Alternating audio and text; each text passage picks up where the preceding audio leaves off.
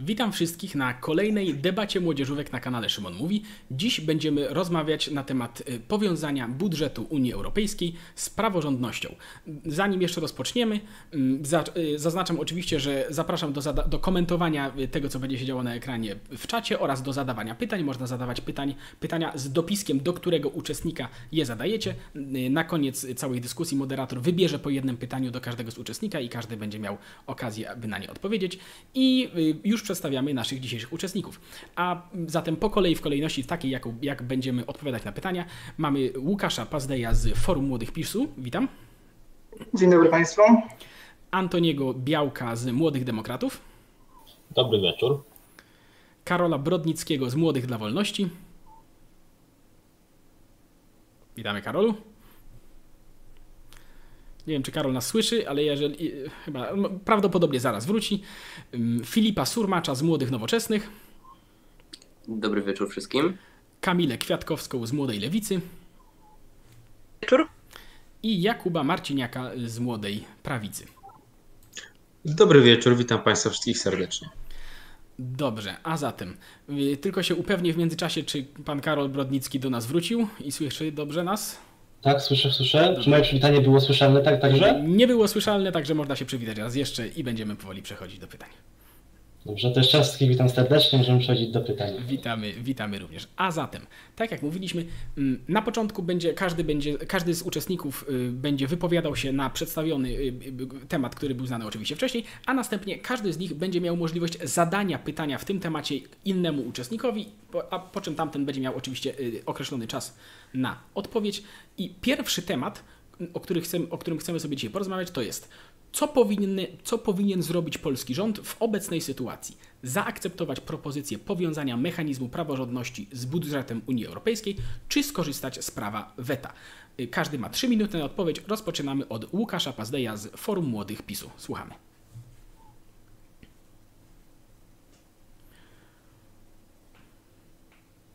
Zaczekamy jeszcze chwilkę, bo wydaje mi się, że Łukasz ma jakiś problem techniczny. I utraciliśmy Łukasza, niestety. Mm, A zatem sugeruję w takim razie, abyśmy po prostu przeszli do kolejnej osoby, a Łukasz, jeżeli Już wróci... jestem dostępny.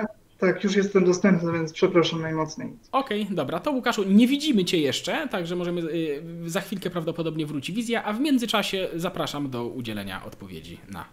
Czy usłyszałeś temat w całości, czy powtórzyć? Tak, tak, tak, usłyszałem e, temat. E, Bardzo dziękuję e, wszystkim za obecność i że możemy rozmawiać na tak ważny temat, jakim jest e, praworządność. Oczywiście należy zawetować to rozporządzenie. Jedyną możliwością niewetowania rozporządzenia zachodzi tylko i wyłącznie w momencie, gdy Niemcy wycofają draft rozporządzenia w sprawie praworządności. Mówimy tutaj o tym zapisie właśnie łączenia praworządności z, e, z, z finansowaniem e, wobec e, pozostałych państw członkowskich. Na ten temat e, mówi jasno e, pierwotne prawo Unii Europejskiej, jakim jest traktat Unii Europejskiej. E, Mamy tam e, jasno sformułowane, że naruszenie praworządności, do stwierdzenia na naruszenie praworządności konieczna jest jednomyślność. Nie może być zgody na to, że Komisja Europejska, nie pochodząca z wyboru przecież, uzyska prawo do pozbawienia funduszy państw członkowskich. E, To, z czym może wiązać się e, zgoda na, na to rozporządzenie, e, to jest wykorzystywanie jej do politycznych celów. Celem roz, tego rozporządzenia nie jest ochrona praworządności, a wykorzystywanie jej do politycznych planów.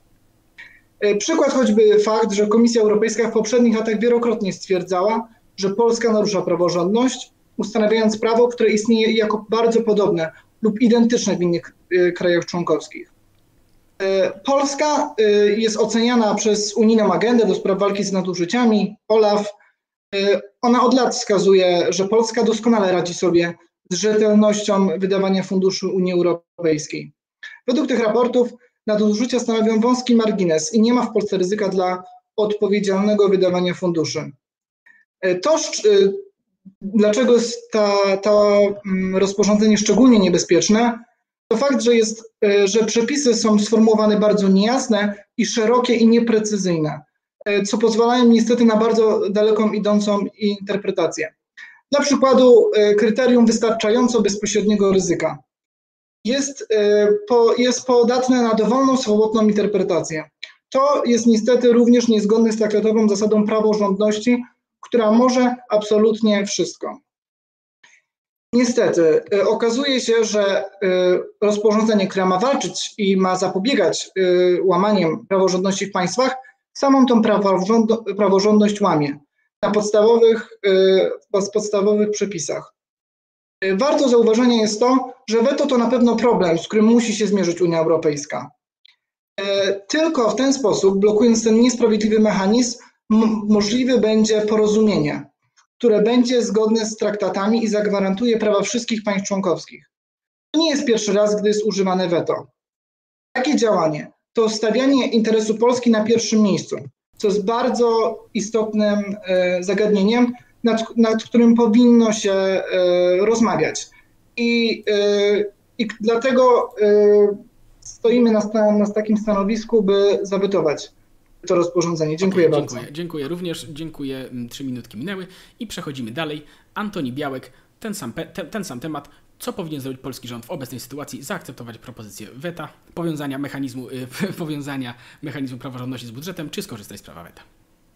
Przede wszystkim polski rząd nie może wykorzystać prawa weta, jeżeli chodzi o rozporządzenie w sprawie uwarunkowania funduszy unijnych od przestrzegania praworządności, ponieważ y, w tej sprawie wystarczy y, większość kwalifikowana państw członkowskich i przez ambasadorów państw członkowskich to już zostało przegłosowane. Y, rząd Prawa i Sprawiedliwości oraz rząd Viktora Orbana Fideszu już przegrali to głosowanie ambasadorów 25 do 2. Zresztą, jak wiemy, y, mm, niektórzy europosłowie Fideszu się bardzo dobrze w Brukseli bawią, ale chciałbym tutaj dodać, że y, jeżeli chodzi o możliwość prawa weta, to jest możliwość prawa weta przy, jeżeli chodzi o, mm, o wie, wielo, mm, wieloroczne ramy finansowe Unii Europejskiej, czyli jeżeli chodzi o fundusz odbudowy i jeżeli chodzi o budżet europejski. Czyli na tą chwilę rząd nie wetuje w sprawie, spra, spra, w sprawie nie wetuje, nie używa prawa weta w sprawie powiązania funduszy z y, praworządnością, tylko to weto użyje przy zawetowaniu y, budżetu i fundusze odbudowy. Jeżeli fundusze odbudowy, na które większość państw południowych Unii Europejskiej bardzo czeka, Polska zawetuje razem z Węgrami, oznacza to tyle, że my w Unii Europejskiej zostaniemy wyizolowani, ponieważ będziemy grali niezgodnie z y, racją stanu Polski i niezgodnie z racją stanu państw członkowskich Unii Europejskiej, bo po prostu za, zablokujemy pieniądze. I dla Polski, przypominam, że to jest budżet, w którym Polska dostaje, jest największym beneficjentem tego budżetu, i też zablokujemy pieniądze dla innych państw członkowskich. Dla przykładu, z tych funduszy Y, starostwo Powiatowe Poznańskie wystąpiło o 40 milionów dotacji do y, obwodnicy Swarzędza. Jeżeli te pieniądze zostaną za, zablokowane, to obwodnicy Swarzędza najprawdopodobniej nie będzie z, powrotu, z powodu braku funduszy. Niestety rząd y, Prawa i Sprawiedliwości, jeżeli zawetuje budżet i zawetuje fundusze odbudowy, to nie tylko będzie szkodził Polakom, którzy tych pieniędzy potrzebują, Tutaj przywołam może wypowiedź wiceministra aktywów państwowych, pana Janusza Kowalskiego, który mówił, że jeżeli nie będzie funduszu odbudowy, to Polska zrobi swój własny, lepszy fundusz odbudowy na 110 miliardów złotych. Ja się pytam, skąd państwo polskie weźmie 110 miliardów złotych na fundusz odbudowy Polski, bo my, skoro tych pieniędzy unijnych nie potrzebujemy, to skąd weźmiemy pieniądze, jeżeli nie ma pieniędzy dla medyków, żeby dostali premię za walkę z koronawirusem? skąd te pieniądze się wezmą, skoro my tak dobrze jesteśmy rozwijającym się państwem, że my żadnych pieniędzy unijnych nie potrzebujemy. Po prostu zawetowanie tego będzie czymś skandalicznym i y, będzie niezgodne z polską racją stanu. Dziękuję bardzo. Dziękuję również i przechodzimy dalej. Karol Brodnicki, Młodzi dla Wolności.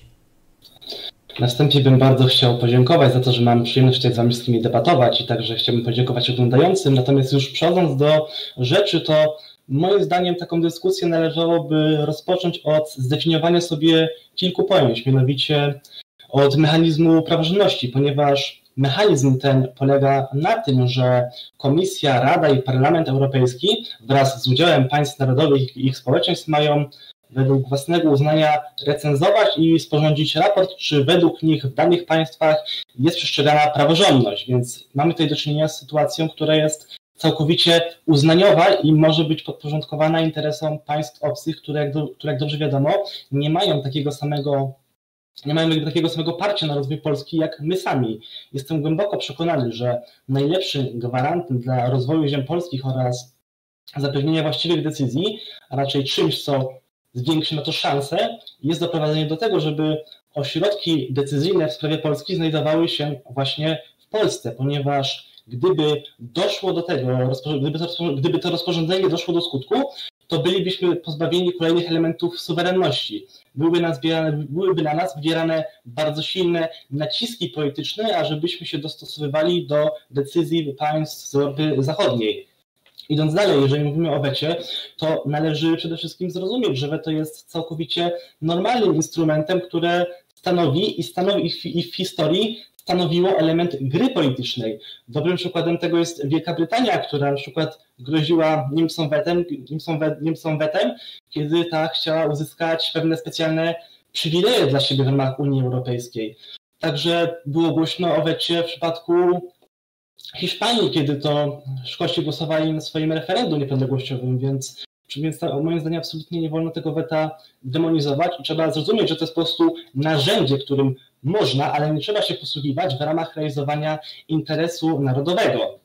Natomiast jeszcze idąc dalej, co do e, samej, co samej dyrektywy, to mam tutaj dosyć ciekawą, to znaczy dosyć ciekawą opinię doktora Gontarskiego, który jest, odpowiada za kwestie prawne w kancelarii Sejmu i jest prawnikiem o międzynarodowej renomie, który wykazuje, że to rozporządzenie naruszyłoby materię traktatową, ponieważ w tym momencie na mocy traktatu o Unii Europejskiej sankcje wobec państwa można zastosować tylko i wyłącznie wtedy, kiedy udowodni się naruszenie, naruszenie zasad praworządności. Natomiast na mocy tego rozporządzenia można by karać państwa tylko i wyłącznie za to, że zajdzie poważne ryzyko. Czyli nie mamy w tym momencie nawet potwierdzonego, czyli nawet w tym momencie nie mamy potwierdzonego przewinienia, co moim zdaniem oczywiście powinno mieć miejsce, jeżeli chcemy mówić o jakimkolwiek karaniu państw.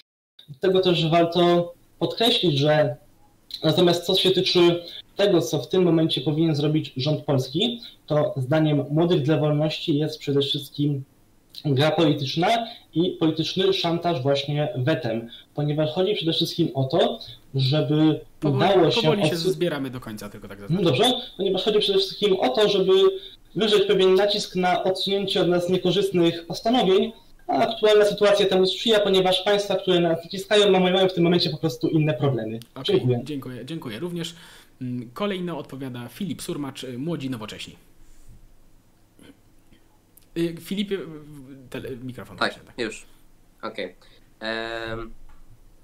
Ja bym chciał zacząć od tego, że obecna dyskusja, jaką prowadzimy, wyglądałaby mm, całkiem inaczej, gdyby premier Donald Tusk dotrzymał swoich obietnic wyborczych.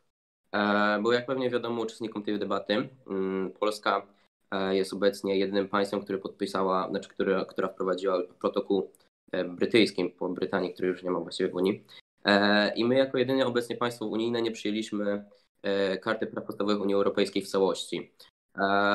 Jest tak pomimo tego, że mm, premier Donald Tusk podczas kampanii wyborczej przed wyborami do parlamentu w 2007 roku e, obiecywał wprowadzenie, e, zaakceptowanie postanowień tej karty. Również po tym, jak wygrał te wybory, e, obiecywał wprowadzenie postanowień, wprowadzenie w życie całości postanowień tej karty, ale podczas już swojego expose powiedział, że tego nie zrobi.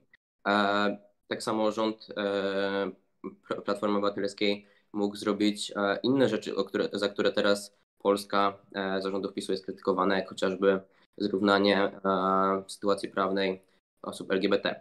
E, a co do tego, czy należy powiązać praworządność z budżetem? Tak, oczywiście należy powiązać praworządność z budżetem, bo jest to właściwie jedyny sposób, żeby, możliwe, że jedyny sposób, żeby uchronić Polaków przed rządem PiSu, który będzie chciał w dalszy sposób naruszać praworządność, naruszać zasady konstytucyjne w naszym państwie. E, tutaj chciałbym zwrócić uwagę na sondaż Ipsosu, według którego dwie trzecie Polaków popiera powiązanie e, właśnie powiązanie budżetu z przestrzeganiem praworządności. Już w ogóle nie przypominając o tym, że mm, w Polsce jest jedno z największych w Unii Europejskiej poparcie właśnie dla tej organizacji. Warto zauważyć, że mm, właściwie argumenty przeciwników takiego rozwiązania to są w dużej mierze kłamstwa. Chociażby jest mówione bardzo często, że Polska e, w przypadku e, stwierdzenia mm, braku praworządności utraci wszystkie te pieniądze. E, nie jest to prawda, bo zostaną po prostu one przekierowane bezpośrednio do samorządów oraz organizacji pozarządowych i jedynie rząd centralny nie będzie miał do nich dostępu. Poza tym warto zauważyć, że jesteśmy największym beneficjentem tego właśnie planowanego budżetu i strata tego będzie mm, wielkim ciosem dla polskiej gospodarki, dla polskich obywateli.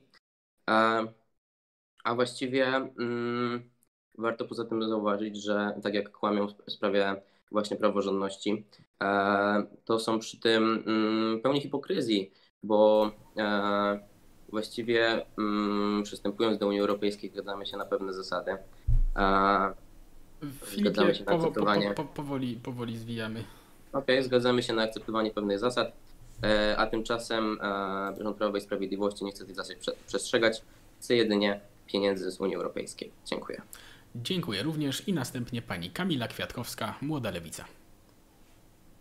E, ja chciałabym na to pytanie odpowiedzieć nie tylko jako Polka, ale także jako Europejka uważam, że w naszym interesie narodowym e, jakby jest to, żeby być silnym partnerem w Unii Europejskiej, a nie być traktowanym jako kraj, który znajduje się między Rosją a Europą.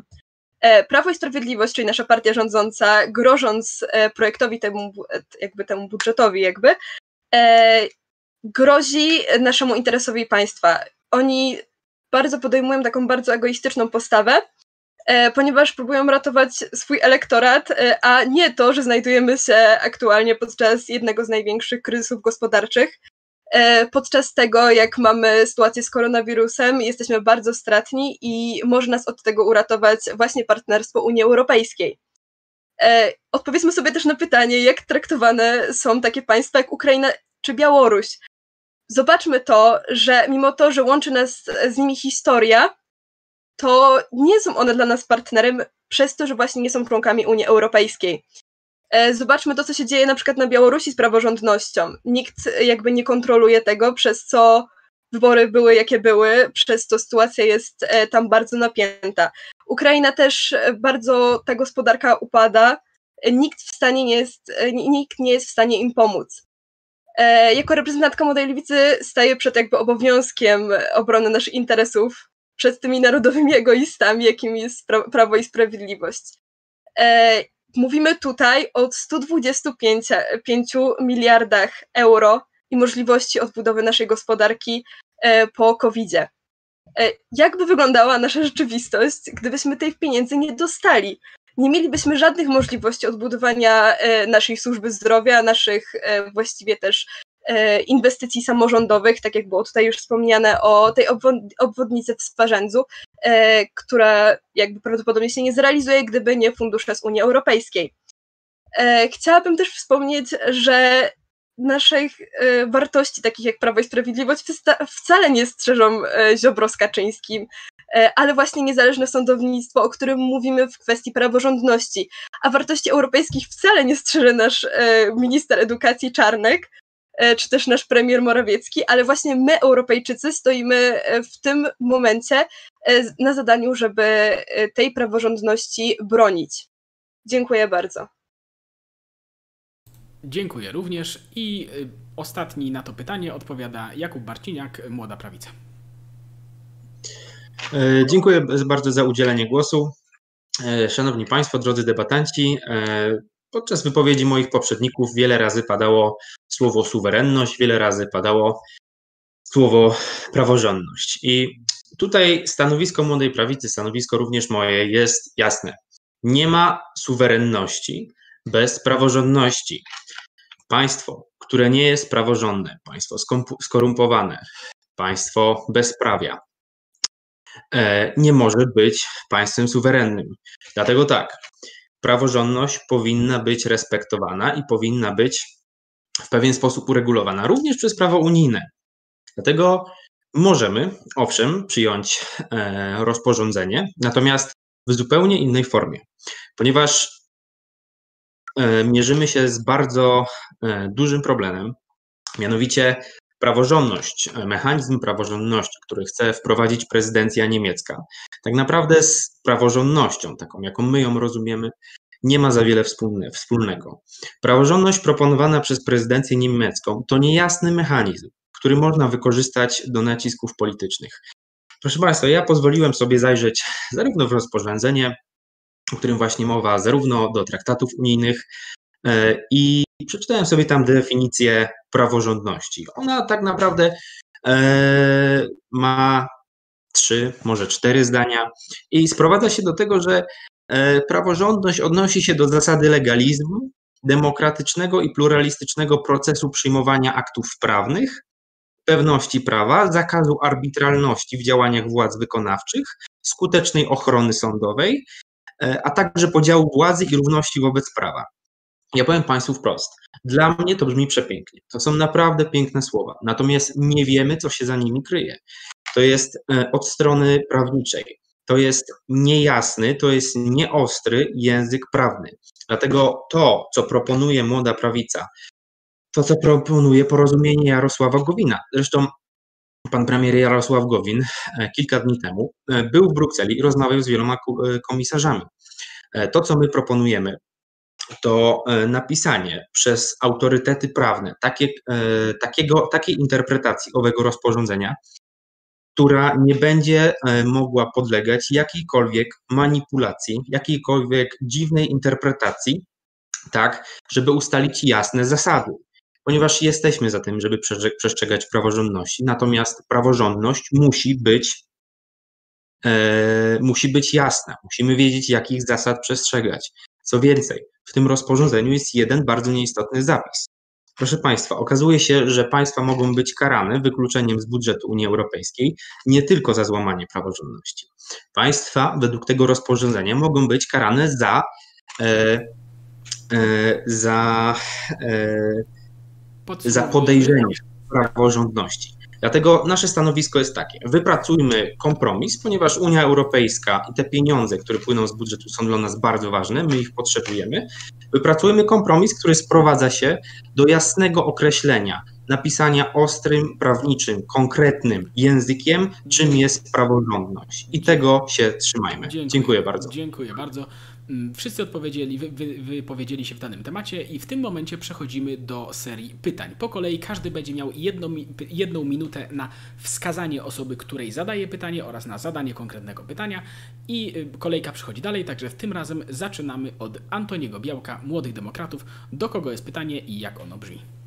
Jedna minutka. A więc y, ja mam pytanie do kolegi z y, Forum Młodych PiS. Mianowicie moje pytanie brzmi tak.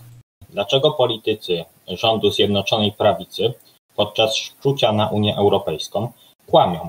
I tutaj zacytuję, zacytuję y, pana wicepremiera aktywów państwowych Janusza Kowalskiego. Pieniądze, które wynegocjowaliśmy w lipcu, będą pieniędzmi z tytułem egzekucyjnym. Czyli jeżeli od 1 stycznia, jeżeli nie będziemy mieć homo małżeństw, jeżeli nie będziemy mieć adopcji dzieci przez pary homoseksualne, jeżeli nie będziemy przyjmować tysięcy imigrantów muzułmańskich, jeżeli nie będziemy uczyć naszych dzieci gender, to będą to pieniądze z tytułem egzekucyjnym. Jak wszyscy wiemy, nic takiego nie ma w rozporządzeniu. Nic takiego również nie dotyczy praworządności. Dlatego moje pytanie jest takie. Dlaczego w telewizji publicznej członkowie polskiego rządu kłamią na temat Unii Europejskiej? Dziękuję. Dziękuję również. Mm, Łukasz Pazdej z Forum Młodych PiSu. Minuta na odpowiedź. Mówi Pan o niesamowitej ilości kłamstw i, i, na temat y, stosunku właśnie polityków y, rządu do, wobec y, Unii Europejskiej. Natomiast proszę zauważyć, że negocjacje na temat zarówno budżetu, jak i, jak i pozostałych innych działań wymagają bardzo starannych i odpowiedzialnych działań. E, polski rząd, e, pan premier Mateusz Morawiecki wynegocjował bardzo, e, bardzo dużo dla nas, dla Polski jako kraju i mówiąc te rzekome kłamstwa, prezentuje Pan pewne, pewne opinie. Wszystko, na, na czym bazuje, nie mamy mowy o jakimkolwiek akcie prawnym, czy, czy jakiejś innej poważnej, poważnym dokumencie. Telewizja publiczna działa, by, by być dla Polaków i telewizja publiczna i, te, i działalność przez nią prowadzona przede wszystkim informuje. Proszę nie mylić telewizji publicznej z działaniem czy rządu. To jest cały czas telewizja oraz różne na ten temat. Dziękuję bardzo. Dziękuję również. Następnie pytanie zadaje Karol Brodnicki z Młodych dla Wolności. Minuta na zadanie pytania. Dobrze, ja mam teraz coś do kolegi Łukasza, coś puszczę z telefonu.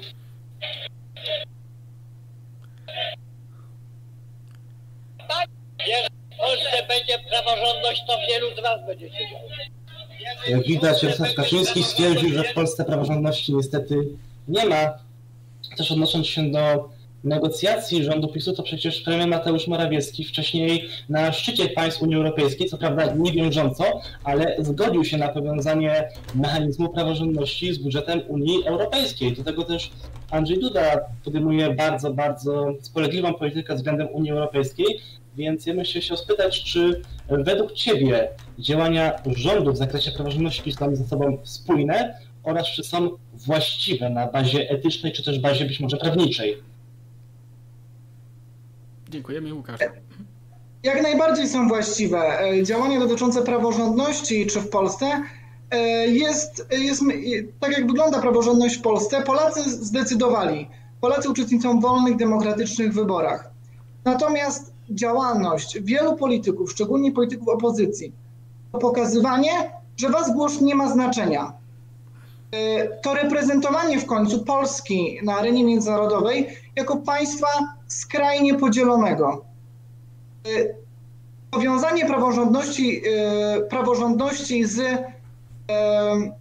z, z finansami jest nie na korzyść Polski, dlatego że niezależnie z jakiej opcji politycznej ktoś jest, jakie zdanie reprezentuje, to Polacy wybrali i ten wybór należy uszanować.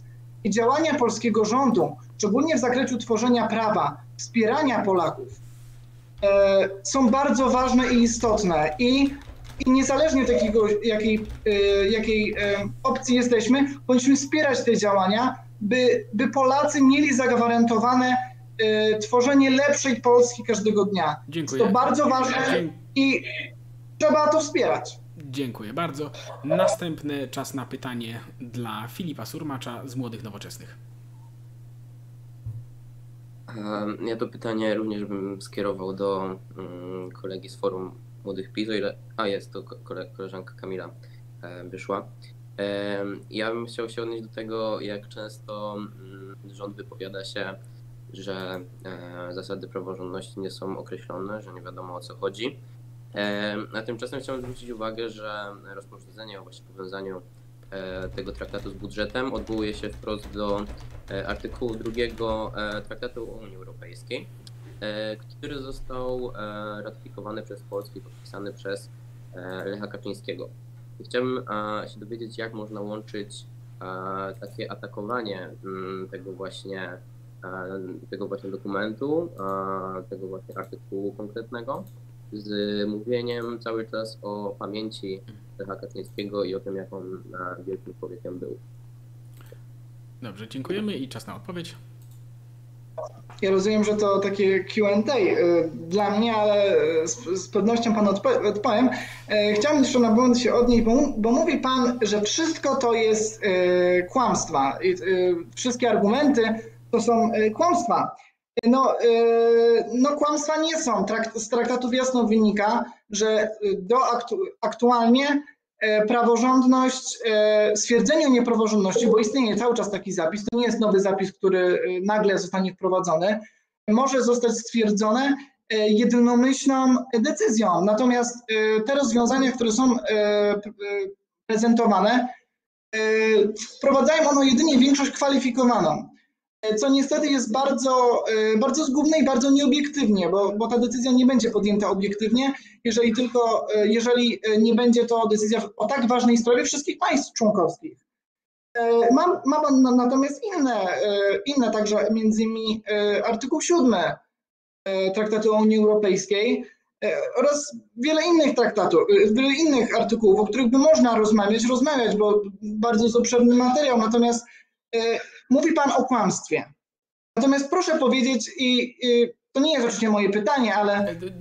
dziękuję. Ja zachęcam zachować to jednak na, na swoje pytanie, bo też czas. Tak, natomiast chciałbym powiedzieć, że, że bardzo jest ważne działanie Y, w tym zakresie i nie można mówić tutaj w tym momencie o kłamstwie, jeżeli mamy czyste, y, czyste twarde dowody, to jest niezgodne z traktatami, to jest Dziękuję. fakt i to spróbuję je obejść zwyczajnie, by zmienić sposób procedowania na prostszy, by w prostszy sposób Dziękuję. inne państwa, y, które zdaniem, Dziękuję. zdaniem będzie niewybieralnych Będzie jeszcze czas na, na wypowiedź, także, także dziękuję i przechodzimy dalej.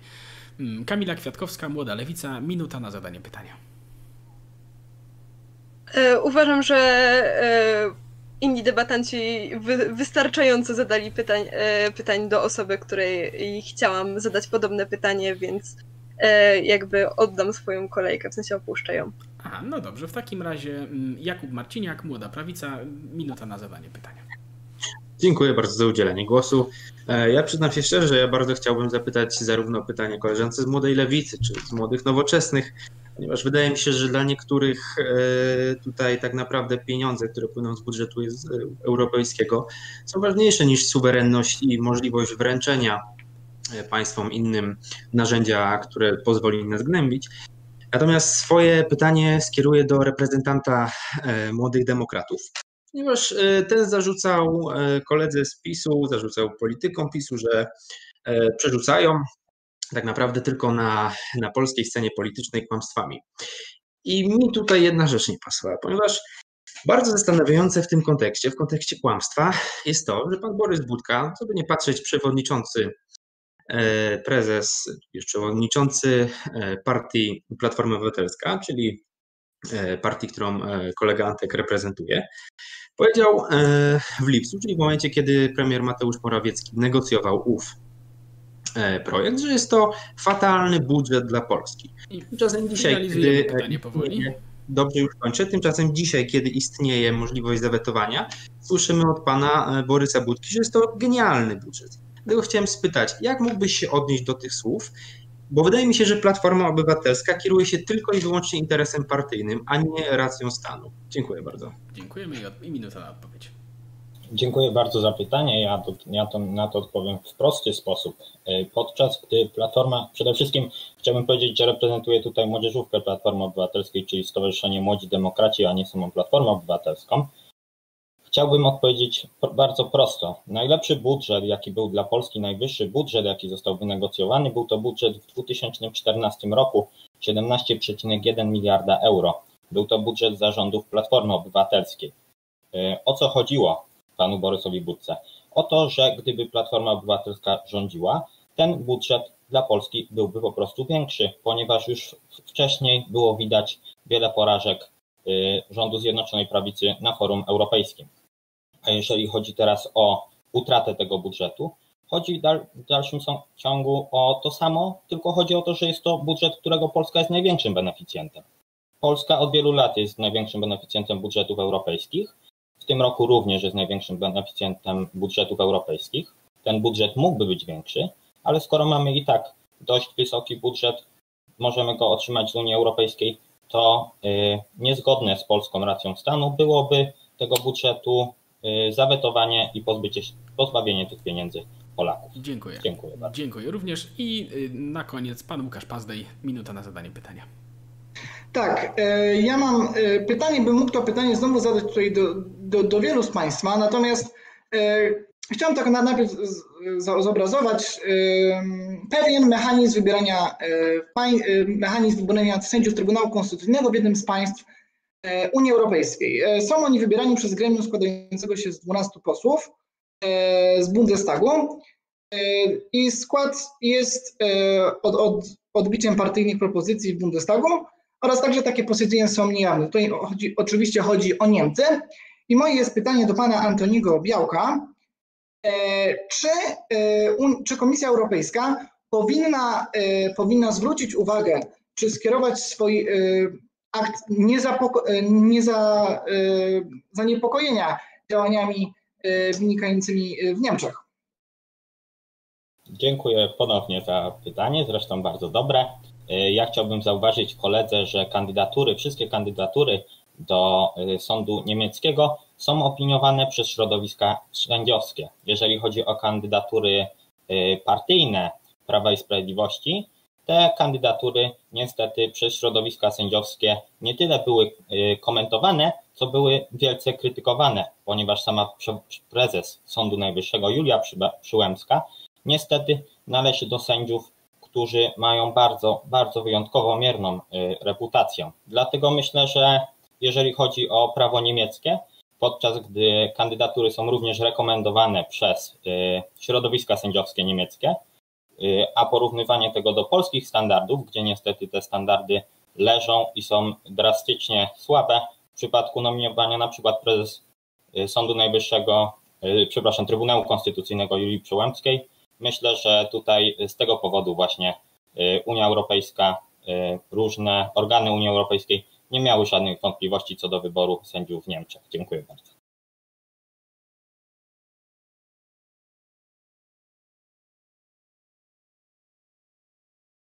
Przepraszam, chyba nie włączyłem głosu.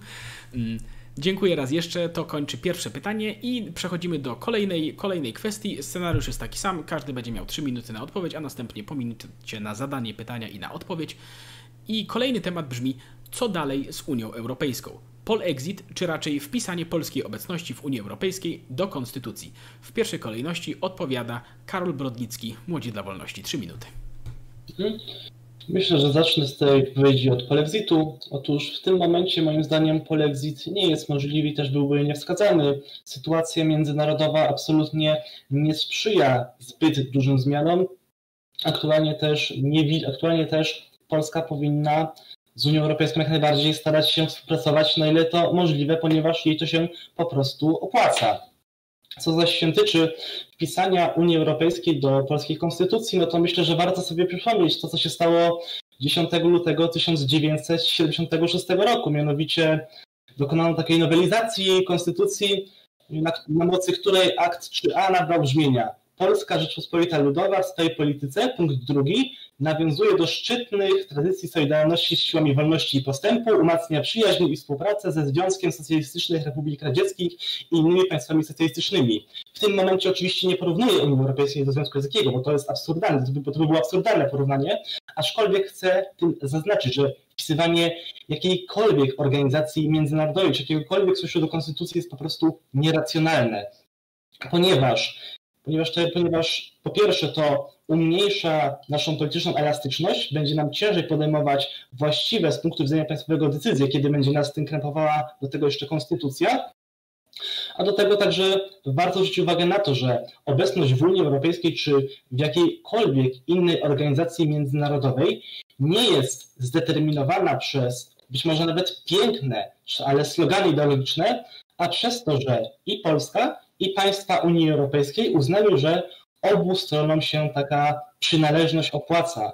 Więc uważam, że należy jak najbardziej odrzucić takie wszelkie przywiązanie, takie, takie przywiązanie ideologiczne, czy nawet religijne do tych wartości europejskich, a należałoby się skupić przede wszystkim na tym, jakie mechanizmy wpływają na kształt polityki międzynarodowej i jakie mechanizmy ją przede wszystkim determinują, ponieważ w innym przypadku staniemy się państwem które nie realizuje swoich interesów, a państwem, które kieruje się jakąś ideologią. A dobrze wiemy, że takie państwa dobrze nie kończą. Natomiast jeszcze wracając na chwilę do samego tematu polexitu, no to generalnie należy przede wszystkim starać się szukać kompromisów tam, gdzie to jest możliwe. W tym momencie z Unii Europejskiej występować nie należy, ponieważ mamy z tego konkretne korzyści gospodarcze, mamy przepływ ludzi, mamy przepływ kapitału, przepływ środków, przepływ środków ekonomicznych, Aczkolwiek należy mieć przede wszystkim na uwadze to, że o ile dzisiaj wygląda to w sposób określony, to w przyszłości nasza sytuacja międzynarodowa czy Unia Europejska może się znacząco zmienić. Dlatego nie, może, dlatego nie możemy tego tematu wykluczać. On powinien być rozpatrywany w debacie międzynarodowej tak samo jak każdy inny. Po prostu musimy być odpowiedzialni za zarządzanie państwem. Wymaga tego, aby rozważać różne, różne możliwości. I, w momencie, w którym dopuścimy ten temat do debaty publicznej, to nie znaczy, że Polska poczyni jakiś znaczący krok w kierunku polexitu, a sprawimy tylko tyle, że będziemy mieć scenariusze na różne rozwiązania, bo na przykład Unia Europejska może się kiedyś rozpaść. No i co wtedy? Dziękuję. Dziękuję. I być, i tak, dziękuję. dziękuję. Dziękuję również za, dziękuję również za odpowiedź. I przechodzimy dalej. Filip Surmacz z Młodych Nowoczesnych, ten sam temat. E, dziękuję. Ja bym chciał zacząć od tego, że e, polexit, e, czyli wyjście z Unii Europejskiej. Jeśli możemy porównać to do mm, wyjścia przez drzwi, to właściwie my już jedną nogą ten próg przekroczyliśmy, bo to, co obecnie dzieje się na arenie międzynarodowej, na arenie europejskiej, to e, wyprowadzanie e, przez rząd PiS Polski z grona państw europejskich. E, należy zauważyć, że nasza pozycja spadła drastycznie, e, a jest to tyle niekorzystne, że potencjał mamy ponieważ e, mamy piątą najliczniejszą e, reprezentację w parlamencie. E, więc czy polexit jest możliwe? Polexit jest możliwe jak najbardziej i może to zostać przeprowadzony jedną ustawą. I to jest właśnie ten problem, który występuje przy tym właśnie temacie, że partia, która miała w 2015 roku 37% poparcia w wyborach, przy 50% frekwencji zyskała większość miejsc w polskim parlamencie, czyli e, co oznacza, że e, zyskała decydujący samodzielny wpływ na władzę, nie, posiadając e, połowy, ponad połowy poparcia społeczeństwa. Oczywiście, że tak nigdy nie będzie w systemie parlamentarnym, ale nie o to chodzi. Problem jest to, że można wyprowadzić Polskę z Unii Europejskiej jedną ustawą. Ja tutaj nie mówię, że konieczne jest wpisywanie jej do, od, razu, od razu do konstytucji, ale tutaj bym radził e, rządowi PiSu spojrzenie na jego idoli, e, czyli na Węgry. Może raczej bym radził nie patrzeć tutaj na przejmowanie mediów, na atakowanie opozycji, ale radziłbym zerknąć chociażby na instytucję ustawy organicznej, która obowiązuje właśnie na Węgrzech czy w innych państwach. I jest to ustawa, która E, ma rangę pomiędzy zwykłą ustawą a konstytucją i po prostu do jej zmienienia potrzeba większej e, liczby głosów niż do zwykłej ustawy. E, do, taką właśnie ustawą organiczną mogłoby być kodeks wyborczy, wtedy na przykład PiS nie mógłby go zmieniać pod siebie tuż przed wyborami, tak jak chcieli zrobić z eurowyborami, czy chociażby właśnie członkostwo w Unii Europejskiej, które nie będzie zapisane bezpośrednio w konstytucji, ale będzie jednocześnie zabezpieczone, bo warto zauważyć, że mm, de facto na chwilę obecną jest to po prostu możliwe za pomocą jednej ustawy. Nie ma żadnego wymogu przeprowadzenia referendum, nie ma żadnych innych obwarowań. I tutaj e, warto zauważyć, że po porównanie e, tego, e, ale właśnie chciałbym zaznaczyć, że w sytuacji, w której nie ma instytucji ustawy organicznej w polskim prawie, wydaje mi się, że w jakiejś formie wpisanie członkostwa w Unii Europejskiej do polskiej konstytucji nie jest takim złym pomysłem, bo e, to nie sprawi, że wyjście z Unii nie będzie możliwe, bo każde państwo ma możliwość wyjścia z Unii, co pokazał przykład Wielkiej Brytanii. A jedynie to wyjście byłoby dla nas samych, przez nas samych dostatecznie utrudnione, co uważam byłoby e, czymś bardzo korzystnym, zważywszy na to, e, do czego PiS jest w stanie się posunąć, żeby wykorzystywać Polskę dla swoich własnych partyjnych interesów. Podsumowujemy. Dziękuję. Dziękuję. Dziękuję również.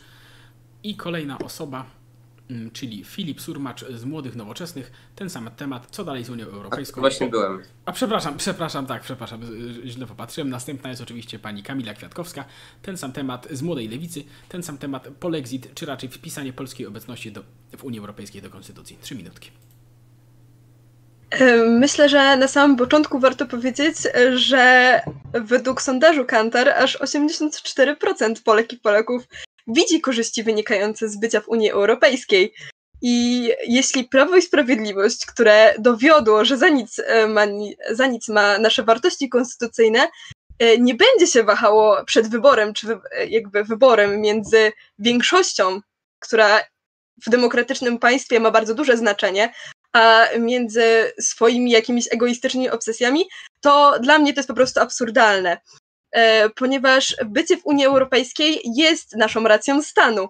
E, poza tym, ponad, jeśli chodzi o wpisanie Unii Europejskiej do konstytucji, to warto wspomnieć, że e, ponad dwa, właściwie ponad 20 krajów członkowskich, aż z 27, ma tę rację stanu wpisaną w swoją konstytucję. Na przykład Szwecja, która ma taką formułę w swojej konstytucji, jak Szwecja jest członkiem Unii Europejskiej, dosyć banalne, proste, ale gwarantuje to, że Szwecja nie może sobie po prostu wyjść E, z Unii. To gwarantuje tym obywatelom, że nie zostaną pozostawieni na lodzie. Co tak jak było już dzisiaj wspomniane, Polska nie ma w żaden sposób wpisane tego nigdzie, w jaki sposób wystąpić z tej Unii ma wobec obywateli. E, jeśli chodzi na przykład o Niemcy, e, mają oni trochę dłuższą formułę, pozwolę sobie odczytać. Dla ucze, ucze, urzeczywistnienia Zjednoczonej Europy, Republika Federalna Niemiec e, współdziała w rozwoju Unii Europejskiej, która jest zobowiązana do przestrzegania zasad demokracji, państwa prawnego, socjalnego i federacyjnego oraz zasady e, subs, subsydiarności i gwarantuje ochronę praw e, podstawowych w swej istocie porównywalną z mniejszą ustawą zasad, zasadniczą. Słowacja czy też Francja też mają taką podobną formułę. Uważam, że Polska powinna uwzględnić e, swoje członkostwo w Unii Europejskiej e, w konstytucji, ponieważ przynależność do wspólnoty europejskiej e, powinna być dla nas priorytetem, aby zachować też nasze konstytucyjne wartości, jak, jaką jest w preambule. Jest takie sformułowanie, że powinniśmy budować i dbać o naszą rodzinę ludzką. Dziękuję.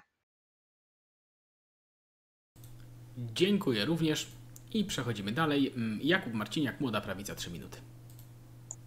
E, dziękuję bardzo. E, proszę Państwa, moim zdaniem sprawa jest dość jasna. Tutaj przed chwilą od koleżanki, e, od koleżanki reprezentującej młodą lewicę, od koleżanki Kamili usłyszeliśmy, że powinien znaleźć się taki zapis. Od kolegi z młodych nowoczesnych usłyszeliśmy, że być może nie konstytucja, natomiast ustawa organiczna, do której przegłosowania jest potrzebna większa liczba posłów. I mnie tylko dziwi jedna rzecz. Oczywiście trzeba powiedzieć, że w tym momencie Pol Exit nie jest dobrym pomysłem. On jest fatalnym pomysłem. Dlaczego? Ponieważ Unia Europejska jest dla nas niesamowitą wartością. Unia Europejska jest dla nas niesamowitą szansą i pozwala nam się rozwijać dużo szybciej niż byśmy w tej Unii Europejskiej nie byli. Dlatego nie, Pol Exit nie jest wyjściem. Ale dlaczego nie powinniśmy ograniczać swoich możliwości polityki zagranicznej, prowadzenia tej polityki poprzez wpisywanie E, obecności w Unii Europejskiej do konstytucji. Sprawa jest prosta, ponieważ trzeba powiedzieć wprost. Polityka zagraniczna to nie jest koncert życzeń. Polityka zagraniczna to nie jest, e, to nie jest koncert życzeń. E, to nie, jest, to nie jest coś przyjemnego, to jest tak naprawdę twarda gra. Cytując tutaj słynnego ministra Ziobrę, nie można być miękiszonem. Ale to tak już odrobinę humorystycznie. Reasumując, nie możemy wpisywać, e, nie możemy sobie przede wszystkim pozwolić na polexit w aktualnej sytuacji, natomiast nie możemy też wpisywać obecności w Unii Europejskiej do konstytucji, ponieważ zawęży to możliwość prowadzenia przez nas polityki zagranicznej. A polityka zagraniczna polega na ścieraniu się interesów różnych państw. I tym jest właśnie Unia Europejska. Unia Europejska jest organizacją międzynarodową, oczywiście przeznaczoną dla państw europejskich, w którym, w której, przepraszam, ścierają się interesy wielu, wielu państw. Więc musimy pamiętać po prostu o tym, że tym, czym musimy się kierować, to nie są nasze marzenia, to nie są nasze ideały. Tym, czym musimy się kierować, to jest racja stanu. Musimy się kierować, e, musimy się kierować E, interesem naszego państwa. Musimy robić tak, aby naszym obywatelom, Polakom żyło się jak najlepiej. Dlatego powtórzę jeszcze raz. Polexit nie jest dzisiaj dobrym rozwiązaniem. Jest on fatalnym rozwiązaniem, ponieważ Unia Europejska stwarza dla nas dodatkowe szanse. Między innymi gospodarcze, ale z ich jeszcze, jeszcze bardzo wiele, chociażby e, zwiększa znaczenie naszego państwa na arenie międzynarodowej wobec potęg takich jak Chiny, USA, czy, czy wschodzące e, ostatnimi czasy Indie. Natomiast nie możemy zawężać sobie naszego pola walki poprzez wpisywanie w konstytucji. W polityce zagranicznej należy być po pierwsze elastycznym, a po drugie skutecznym. Dziękuję bardzo. Dziękujemy również. Mm, I na samym końcu, jeszcze nie na samym końcu, ale kolejno Łukasz Pazdej, Forum Młodych PiS, to samo pytanie, trzy minutki. Ja y, słysząc opinię y, na temat polexitu, y, mam skojarzenia, bo oglądałem, wiadomo, kwarantannę, który więcej czasu się siedzi w domu, oglądałem na ten film Gwiezdne Wojny. I chętnie bym porównał takie myślenie, wyobrażenie, jaką muszą mieć w sobie politycy opozycji, żeby mówić o polexicie w sposób realny, nie wiem, nie w formie jakiegoś żartu. Prezentuje to skrajną de desperację, w jakiej chce wywołać ferment wśród ludzi, zyskać poparcie. Polska jest bardzo silnym graczem w Unii Europejskiej. Unia czerpie z obecności w Polsce bardzo wiele korzyści od strony czy, czy gospodarczej, czy także kulturowej. Wiązanie negocjacji, które są rzeczą tak naturalną, tak samo prowadzenie zarówno weta, czy inne rzeczy, by działać na interes Polski, by Polska nie miała ograniczonych, nie miała ograniczonego budżetu opinią osób, którym, którym, którzy są przeciwni politykom Polski, jakby łączenie to z polexitem jest całkowicie czymś nieracjonalnym. Faktem jest to, że Polska jest w Europie. Polacy są obecni w Unii Europejskiej, Polacy czują się Europejczykami i Polska czynnie współtworzy Unię Europejską. Tylko ważne tutaj jest stwierdzenie współtworzenie. Współtworzenie to nie tylko bierne poddawanie się projektom innych państw, ale także wnoszenie swoich idei i myśli, które będą zapewne wzbogacać i wzbogacają Unię Europejską ku dobru wszystkich Europejczyków.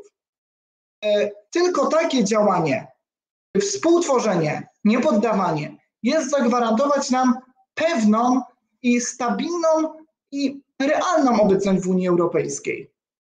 I mówienie o polexicie w kontekście e, negocjacji jest całkowicie czymś nieracjonalnym, że w ten sposób jest, nie wiem, pragnięte zdobywać, e, zdobywać poparcie i budować, nie wiem, nienawiść wobec czy polskiego rządu. Zresztą nienawiść to teraz y, można zaobserwować na każdym kroku.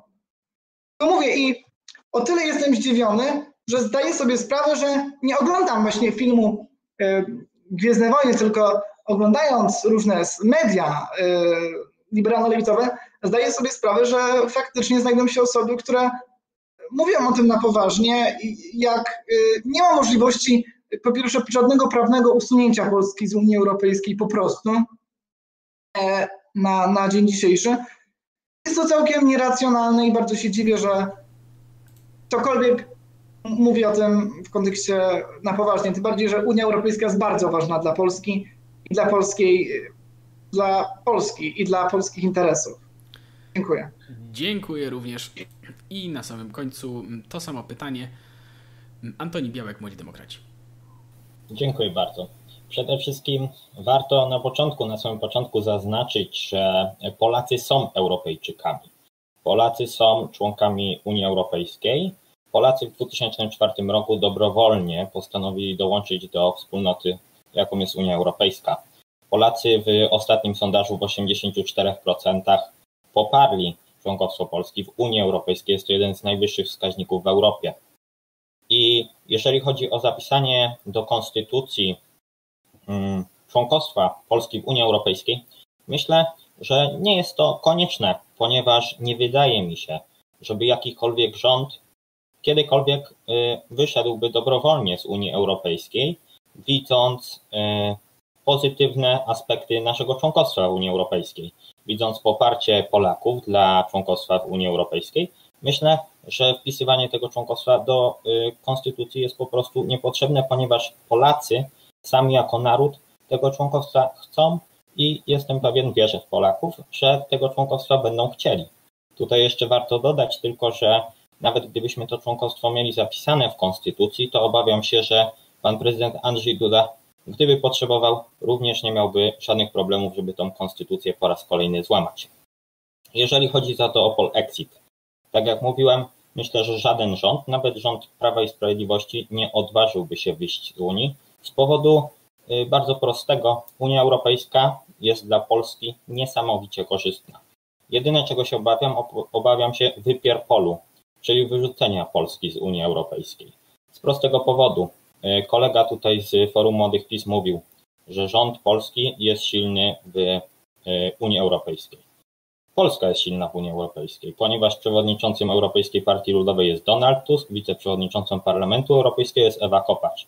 Ale czy rząd polski jest silny w Unii Europejskiej? Tutaj niestety obawiam się, że tak nie można powiedzieć. Najlepszym przykładem tego jest to, że była premier Beata Szydło miała zostać przewodniczącą komisji w Parlamencie Europejskim i dwa razy przegrała sama ze sobą, będąc jedyną kandydatką.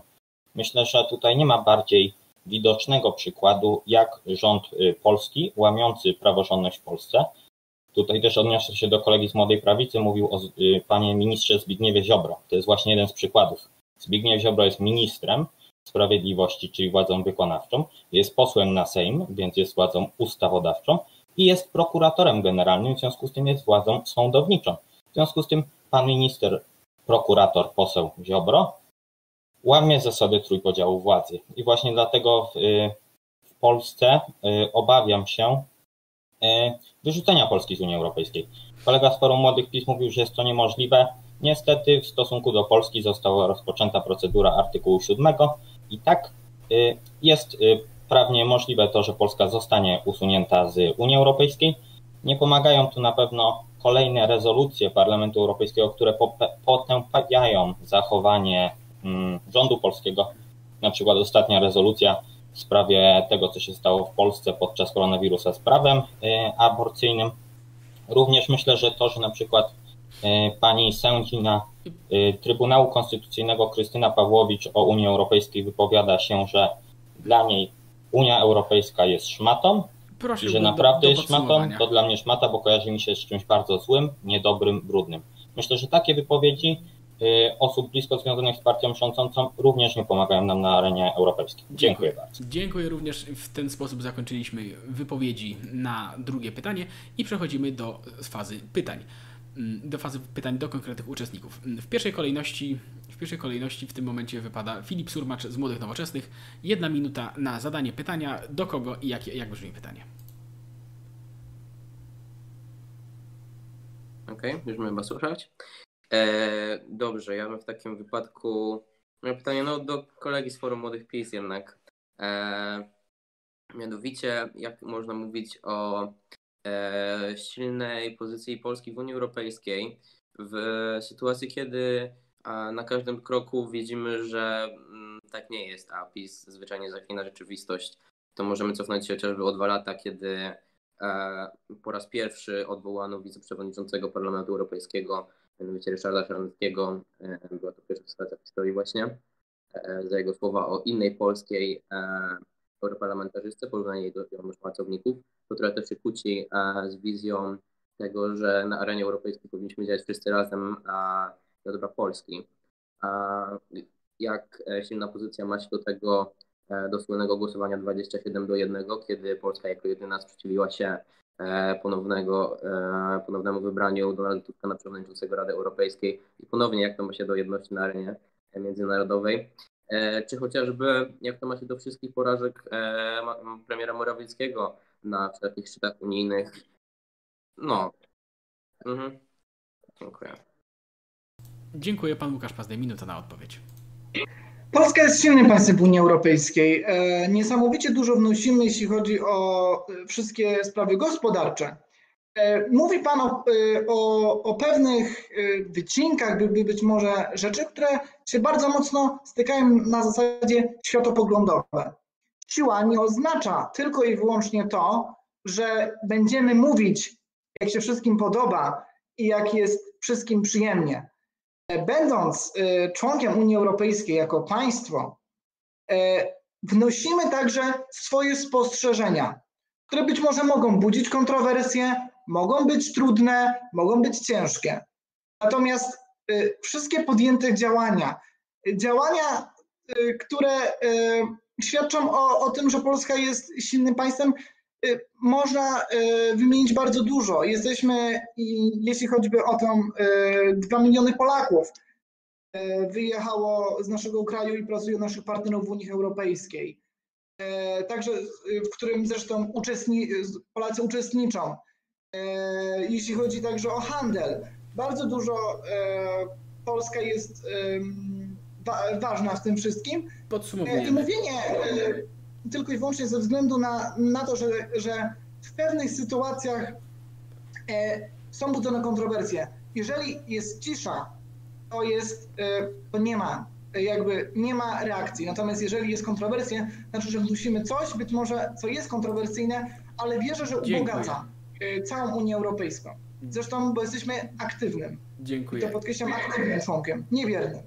Dziękuję, dziękuję bardzo, dziękuję za odpowiedź. I przechodzimy dalej. Kamila Kwiatkowska, jedna minuta na zadanie pytania. Do kogo i jak brzmi pytanie? E, ja mam pytanie do Łukasza. E, chciałabym zapytać e, właśnie propos tego, co już było wspominane, czyli o tym, że rząd jakby no jednak wzbudza takie antyunijne pogląd taki w społeczeństwie, to chciałabym zapytać, co w sytuacji, w której od pięciu lat mamy coraz mniej sojuszników, w sumie nasza polityka gospodarcza opierała się przede wszystkim na sojuszniku, jakim było USA. Aktualnie tego sojusznika nie mamy. E, zostały nam Węgry. I co w sytuacji e, takiej, jak, jakim przykładem na przykład był Brexit w Wielkiej Brytanii, gdzie przez właśnie odejście z Unii Europejskiej, czy też stracenie tych sojuszników, wiele miliardów przeszło zamiast do nich do Francji, to co w sytuacji, kiedy naszym jedynym sojusznikiem są praktycznie Węgry, E, I no nie wiem, co PiS powie samorządowcom, którzy nie będą za co mieli zbudować dróg, e, co z tymi wszystkimi e, dofinansowaniami, co z tymi pieniędzmi, które utraciliśmy. I co w takiej sytuacji, kiedy nie ma, nie ma ich po prostu, co jakby partia rządząca na to? Mm, dziękuję i pan Łukasz minuta na odpowiedź. Pyta pani, co partia rządząca na to? Trzeba się spytać partii rządzącej. Ja reprezentuję tutaj Forum Młodych PiS jednak. E, natomiast, e, natomiast e, odpowiadając na to pytanie, warto zauważyć, że cała działalność i tak samo tutaj mówimy w stosunku, jeśli chodzi o Unię Europejską, Polska ma duży wpływ na to, co to się dzieje. osobiście nie uważam, by jakikolwiek jakiekolwiek y, działania y, mówiące o niechęci wobec Unii Europejskiej. Jest to na każdym miejscu zawsze podkreślane, że jesteśmy bardzo ważnym sojusznikiem Unii Europejskiej, y, partnerem i realizujemy wiele projektów pod patronatem Unii Europejskiej. Warto również zaznaczyć, mówi Pani o sojusznikach, kreuje Pani znowu obraz taki można powiedzieć, że koniec świata, że nie mam pieniędzy i tak dalej. Póki co wszystko jest na zasadzie negocjacji. E, sprawy są negocjowane. E, poza to nie jest jedyna sytuacja, gdy dokonuje się weta. Polska ma wielu sojuszników i nie wiem dlaczego Pani że nie ma sojusznika ze Stanami Zjednoczonymi. E, nie zostało to póki co w żaden sposób wypowiedziane. Realizujemy swoje, swoje interesy. I nie uważam, że y, tylko i wyłącznie naszym sojusznikiem jest y, Węgry, jest ich dużo znacznie więcej. Choćby doświadczy o ilość projektów, których się podejmuje. Dziękuję bardzo, dziękuję bardzo i lecimy do kolejnego pytania. W tym momencie Jakub Marciniak z Młodej Prawicy. Minuta na zadanie pytania. Dziękuję bardzo za udzielenie mi głosu. E, ja bym chciał zadać pytanie do koleżanki reprezentującej e, Młodą Lewicę, do Kamili, bo tak naprawdę zarówno w tej pierwszej wypowiedzi dotyczącej powiązania praworządności z budżetem e, Unii Europejskiej, jak i tej drugiej dotyczącej polexit czy wpisanie polskiej obecności e, Unii Europejskiej do konstytucji, w której Kamila dość jasno powiedziała się za wpisaniem e, naszej obecności do, do Unii Europejskiej. Zastanawia mnie jedna rzecz. Co tak naprawdę dla Ciebie, Kamilu, jest ważniejsze? Suwerenność naszego państwa i dobro naszych obywateli, Polaków, czy obecność Polski w UE i pieniądze, które płyną z budżetu tejże organizacji. Dziękuję bardzo. Dziękuję. Kamila Kwiatkowska, minuta na odpowiedź. E, mi się wydaje, że te dwie rzeczy, o których powiedziałeś, e, są dosyć, jakby debatujemy to właśnie o powiązaniu tej praworządności i suwerenności właśnie z pieniędzmi, dlatego się do nich odniosłam. E, to, co, o czym mówisz w kwestii tego, czy co jest dla mnie ważniejsze, uważam, że to są rzeczy dosyć ścisłe. Przede wszystkim powinny być dla nas ważne wartości, ale właśnie mówimy o powiązaniu tej wartości praworządności z tym, e, żeby nasze pieniądze, nasze pieniądze, no bo w sumie to jest dobro wspólne, e, które otrzymamy od Unii Europejskiej, e, żeby no właśnie je otrzymać, tak, o, o czym tutaj rozmawiamy. Więc jakby uważam, że moje odniesienie do pieniędzy nie chodziło mi o to, że zdecydowanie naszym priorytetem jest dostańmy pieniądze od Unii Europejskiej, wykluczając to, że nie jest dla mnie ważna praworządność, bo jest dla mnie ważna, E, co aktualnie w naszym kraju jest łamane. Dziękuję. Dziękuję również. Mm, następnie Łukasz Pazdej, Forum Młodych PiSu. Minuta na zadanie pytania. Ja nie mam pytania. Y, w tej sprawie mówiłem, jest temat Unii Europejskiej y, i rozmawianie na temat polexitu jako czymś realnym jest całkowicie absurdalne no i powstrzymam się od tego. Okej, okay, dziękuję w takim razie. Więc następnie Antoni Białek, Młodzi Demokraci, minuta na zadanie pytania. Ja myślę, że już nie będę tutaj męczył kolegi Łukasza pytaniami, w związku z tym moje pytanie pokieruję do kolegi Karola z Młodych dla Wolności. E, przed chwilą słyszeliśmy, że wyjście Polski z Unii Europejskiej nie byłoby e, dobrym, e, dobrym mm, posunięciem, w szczególności teraz. I mam takie pytanie tutaj, cytując liderów Konfederacji, między innymi piątkę, piątkę Konfederacji, o której mówił Sławomir Mencen, przedstawią w skrócie tak. Nie chcemy Żydów, gejów, aborcji, podatków i Unii Europejskiej. Oprócz tego Janusz Korwin-Mikke mówił tak. Z Unią Europejską nie można się pogodzić, to jest źródło faszyzmu. Dlatego mam pytanie, jak mają nas odbierać politycy zachodni, jeżeli słyszą, że tak, my jesteśmy chętni, żeby pobierać pieniądze z budżetu unijnego, a jednak twierdzimy, że większość y, właśnie polityków zachodnich, którzy tworzą z nami Unię Europejską, to są faszyści i że my ich nie chcemy. Dziękuję bardzo. To będzie koniec. Odnosząc się do wypowiedzi chociażby Sławomira Mencena, to należy mieć na uwadze przede wszystkim to, że jest to wypowiedź metaforyczna, jest to wypowiedź w kontekście dłuższego wykładu, gdzie poprzez mówienie nie chcemy Unii Europejskiej, Sławomir Mencen mówił, że Polska ma wyjść z Unii Europejskiej, a przede wszystkim chciał przekazać to że nie należy podejmować dalszej i głębszej integracji politycznej w ramach Unii Europejskiej.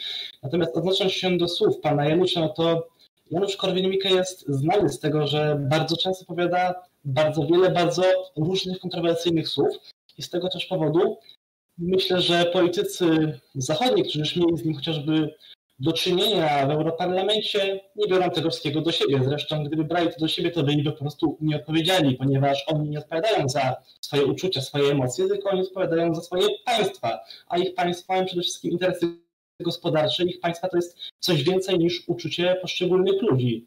Więc wątpię, więc wątpię ich to obrażało, chociaż oczywiście ze słowami Janusza Korwina-Mikkego się w tym zakresie nie zgadzam, aczkolwiek nie uważam ich za skandalicznych bądź koniecznych do wytępienia z debaty publicznej. Dziękuję. Dziękuję również i Karol Brodnicki, Młodzi dla Wolności, minuta na zadanie pytania.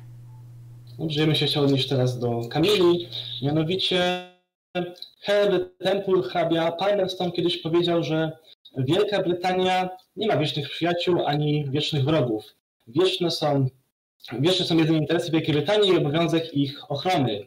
Możemy też zauważyć, że chociażby państwo takie jak Stany Zjednoczone, które ma na swoich ustach demokrację i prawa człowieka, jednak nie ma żadnych problemów z tym, żeby masakrować ludność cywilną, kiedy im to się opłaca, lub żeby dogadywać się z takim państwem jak Arabia Saudyjska, gdzie, jak zapewne wiesz, żadne prawa człowieka czy tam prawa kobiet przestrzegane i respektowane za bardzo nie są. Widzimy także, że państwa Unii Europejskiej, które również są pełne frazesów, w tym Hiszpania, stają się już zupełnie inne, kiedy to na przykład Katalonia chce się włączyć, więc widzimy tutaj bardzo dokładny rozdźwięk pomiędzy sferą ideologicznych frazesów, a sferą polityki realnej, więc na podstawie tego Chciałem Ciebie, Kamilo, spytać, skąd w Twoim sercu jest taka głęboka, niezachwiana, niezachwiana wiara w to, że państwa Unii Europejskiej, państwa może per se, państwa jako takie, kierują się ideologią, a nie swoim interesem, skoro wszystkie przykłady temu przeczą. Dziękuję. Dziękuję Kamila. Minuta na odpowiedź. E, Myślę, że podałeś bardzo dobre przykłady e, do tego pytania. E, Ja, w sensie ta moja jakby wiara w tą ideę Europy, przede wszystkim wzięła się z tego, że historia pokazała nam, że podział nie jest dobry i uważam, że naszym priorytetem powinna być współpraca z innymi krajami, żeby zapobiec e, wszelkim konfliktom czy też niesprawiedliwościom, jakie odbywają się gdziekolwiek.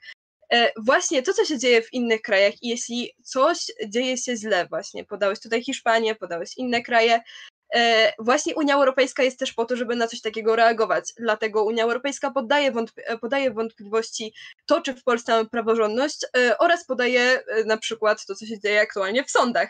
E, Więc e, uważam, że moja jakby wiara w e, tą Europę wynika e, przede wszystkim z samej idei Unii Europejskiej i z tego, co ona w sumie ze sobą reprezentuje.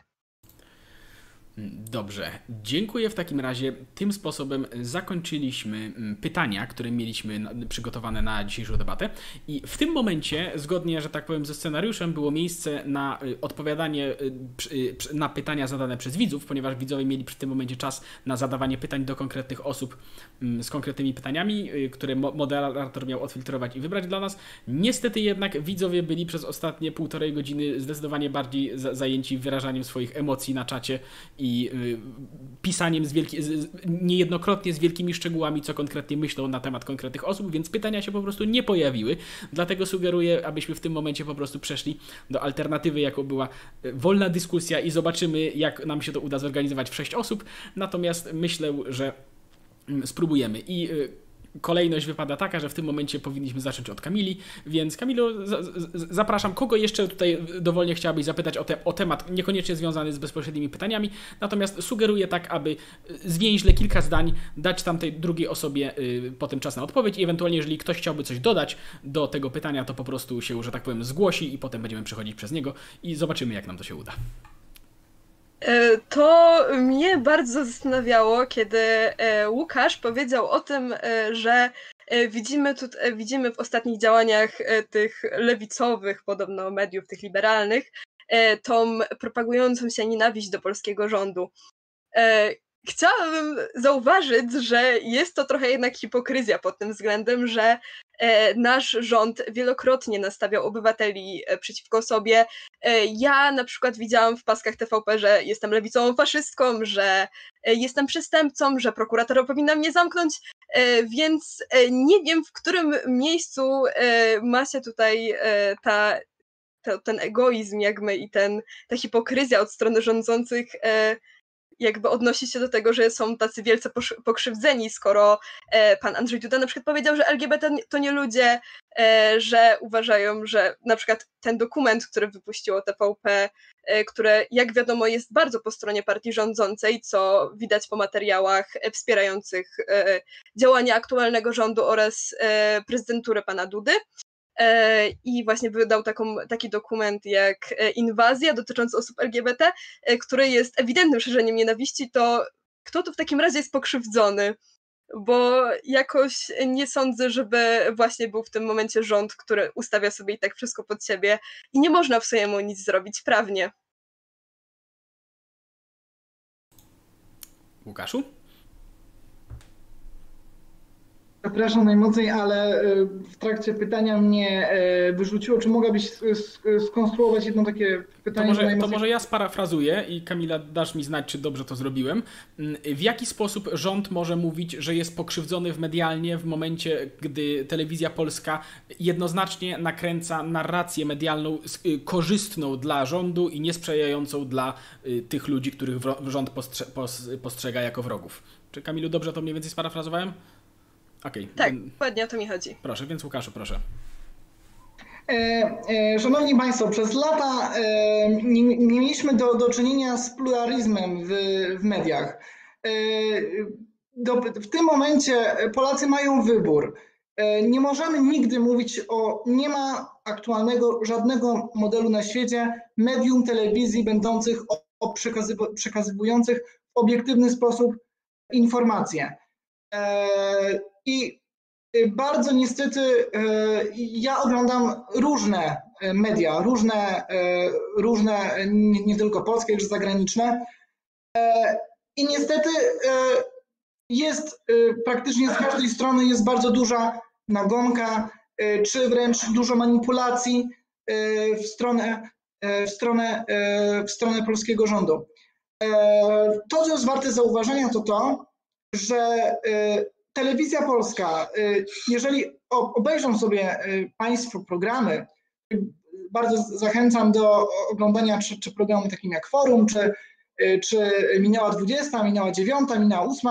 Są tam reprezentanci wielu, wielu, wielu, e, w zależności od oczywiście od dnia, e, reprezentanci wielu e, kół poselskich i, i każdy ma bardzo podobny czas. I bardzo mnie y, to dziwi, gdy oglądam konkurencyjną stację telewizyjną TVN, gdzie, nie, gdzie niejednokrotnie, jeżeli czy osoba, czy, czy, czy, czy zarówno osoba wypowiadająca się ze środowiska, czy to z Prawa i Sprawiedliwości, czy Zjednoczonej Prawicy, była, miała, było bardzo często miała przerywany przez dziennikarza, czy też choćby sytuacja, gdy lekarz wypowiadał się w inny sposób na temat, y, na, na temat koronawirusa, niż to, y, niż to życzyła sobie pani y, dziennikarka.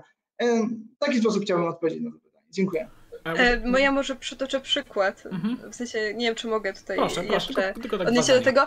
E, chciałam może przytoczyć przykład e, właśnie o co mi chodziło z tą stronniczością. E, mianowicie natknęłam się na e, wiadomości TVP przed drugą turą wyborów. E, I tam e, było właśnie przedstawienie e, dwóch kandydatów, właściwie ich kampanii, czyli Rafała Trzaskowskiego oraz Andrzeja Dudy.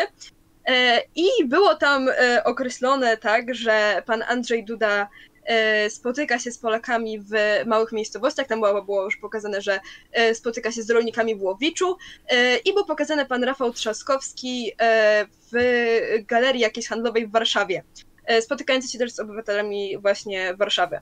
E, I tam właśnie pani redaktor, e, wszystkim bardzo powszechnie znana, użyła takiego sformułowania, że e, właśnie pan Andrzej Duda spotyka się z wszystkimi Polakami, a pan Rafał Trzaskowski tylko z tymi bogatymi. I właśnie było pytanie, kogo, jakich Polaków chce reprezentować pan Rafał Trzaskowski. Więc jednak widzę tu jakąś stronniczość, zwłaszcza, że jeszcze było powiedziane o tym, że niemieckie media e, poparły kandydaturę pana Rafała Trzaskowskiego i to też było dość podkreślone, że to są niemieckie media, a nie polskie. E, więc no jednak widzę tu jakiś e, zgrzyt jednak w kwestii tej stronniczości. To może ja tak pozwolę sobie skierować teraz te, te rozmowy może odrobinkę inaczej. To znaczy, może jak na przykład y, panowie z Młodych Nowoczesnych i z Młodych Demokratów odpowiedzieliby na zarzuty, które się pojawiają często w tego typu tematach, że być może TVP nie jest do końca obiektywna, ale przecież inne telewizje są, są nieobiektywne w, w drugą stronę. Jak, jak byście do tego podeszli? Ja z przyjemnością mogę odpowiedzieć na to pytanie. Y, myślę, że dla mnie odpowiedź jest bardzo prosta. Mianowicie TVP, czyli telewizja publiczna, jest finansowana z pieniędzy i z abonamentu oraz jak w zeszłym roku i w przyszłym ma być to zrobione, TVP ma dostać jeszcze 2 miliardy złotych w 2021 z budżetu. Jest to telewizja publiczna, której zadaniem jest y, przekazywanie rzetelnych, obiektywnych informacji. Co robią, y, czy bardziej liberalne, czy bardziej prawicowe, czy lewicowe, prywatne radio rozgłośnie czy telewizję, to szczerze mówiąc kompletnie y, mnie mm, nie rusza, ponieważ one to robią za swoje własne pieniądze i za pieniądze y, widzów, którzy ich oglądają. Oni nie dostają żadnych dotacji z, z budżetu państwowego. A tutaj, tak jak koleżanka z Lewicy przypomniała y, nam, że pluralizm w TVP niestety jest bardzo zachwiany.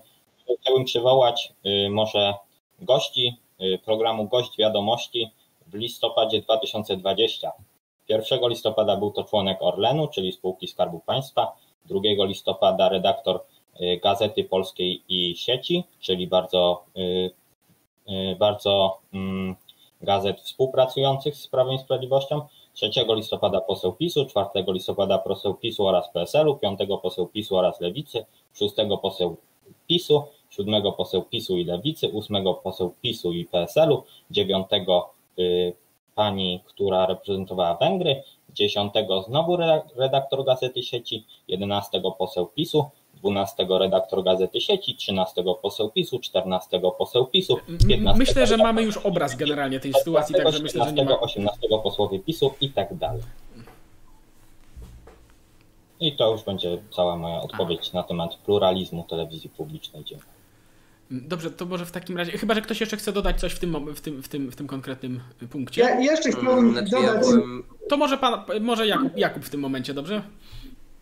E, Dobrze, dziękuję bardzo za udzielenie głosu. Ja bym chciał się tutaj odnieść zarówno najpierw do e, koleżanki Kamili, później do Łukasza i na końcu do, do Antka, bo jednak mówimy o, o, o pluralizmie w mediach, rzetelności tych mediów. I ja powiem wprost, telewizja publiczna nie jest rzetelna, nie jest obiektywna. To jest niezaprzeczalny fakt i to jest rzecz, którą jak najpilniej trzeba zmienić.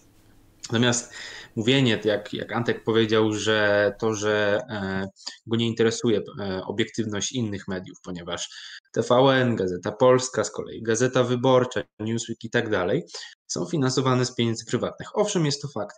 Natomiast e, żadnego rzetelnego medium, żadnej redakcji, żadnej stacji, żadnej rozgłośni radiowej, fakt, iż są finansowane z, wspól, przepraszam, z prywatnych pieniędzy, nie upoważnia do tego, żeby e, w pewien sposób prowadzić swoją propagandę, prowadzić swoją, e, prowadzić swoją narrację. Bo tak jak powiedziałem, TVP nie jest obiektywny, natomiast z drugiej strony mamy Onet, e, który de facto ostatnio zaliczył bardzo ciekawą wpadkę, pisząc o organizatorze orgii, które mają miejsce w Brukseli, mamy dalej gazetę wyborczą. Myślę, że tutaj na temat gazety wyborczej nie musimy się już kłócić, e, kłócić, ponieważ niektóre tematy, niektóre nagłówki, niektóra treść e, artykułów jest wręcz absurdalna. Mamy dalej Newsweeka. Newsweeka ja bardzo dobrze pamiętam, tuż przed drugą turą Newsweek miał piękną okładkę, która mnie osobiście bardzo mocno dotknęła, ponieważ jestem związany bardzo mocno z symbolami narodowymi, czyli między innymi z hymnem.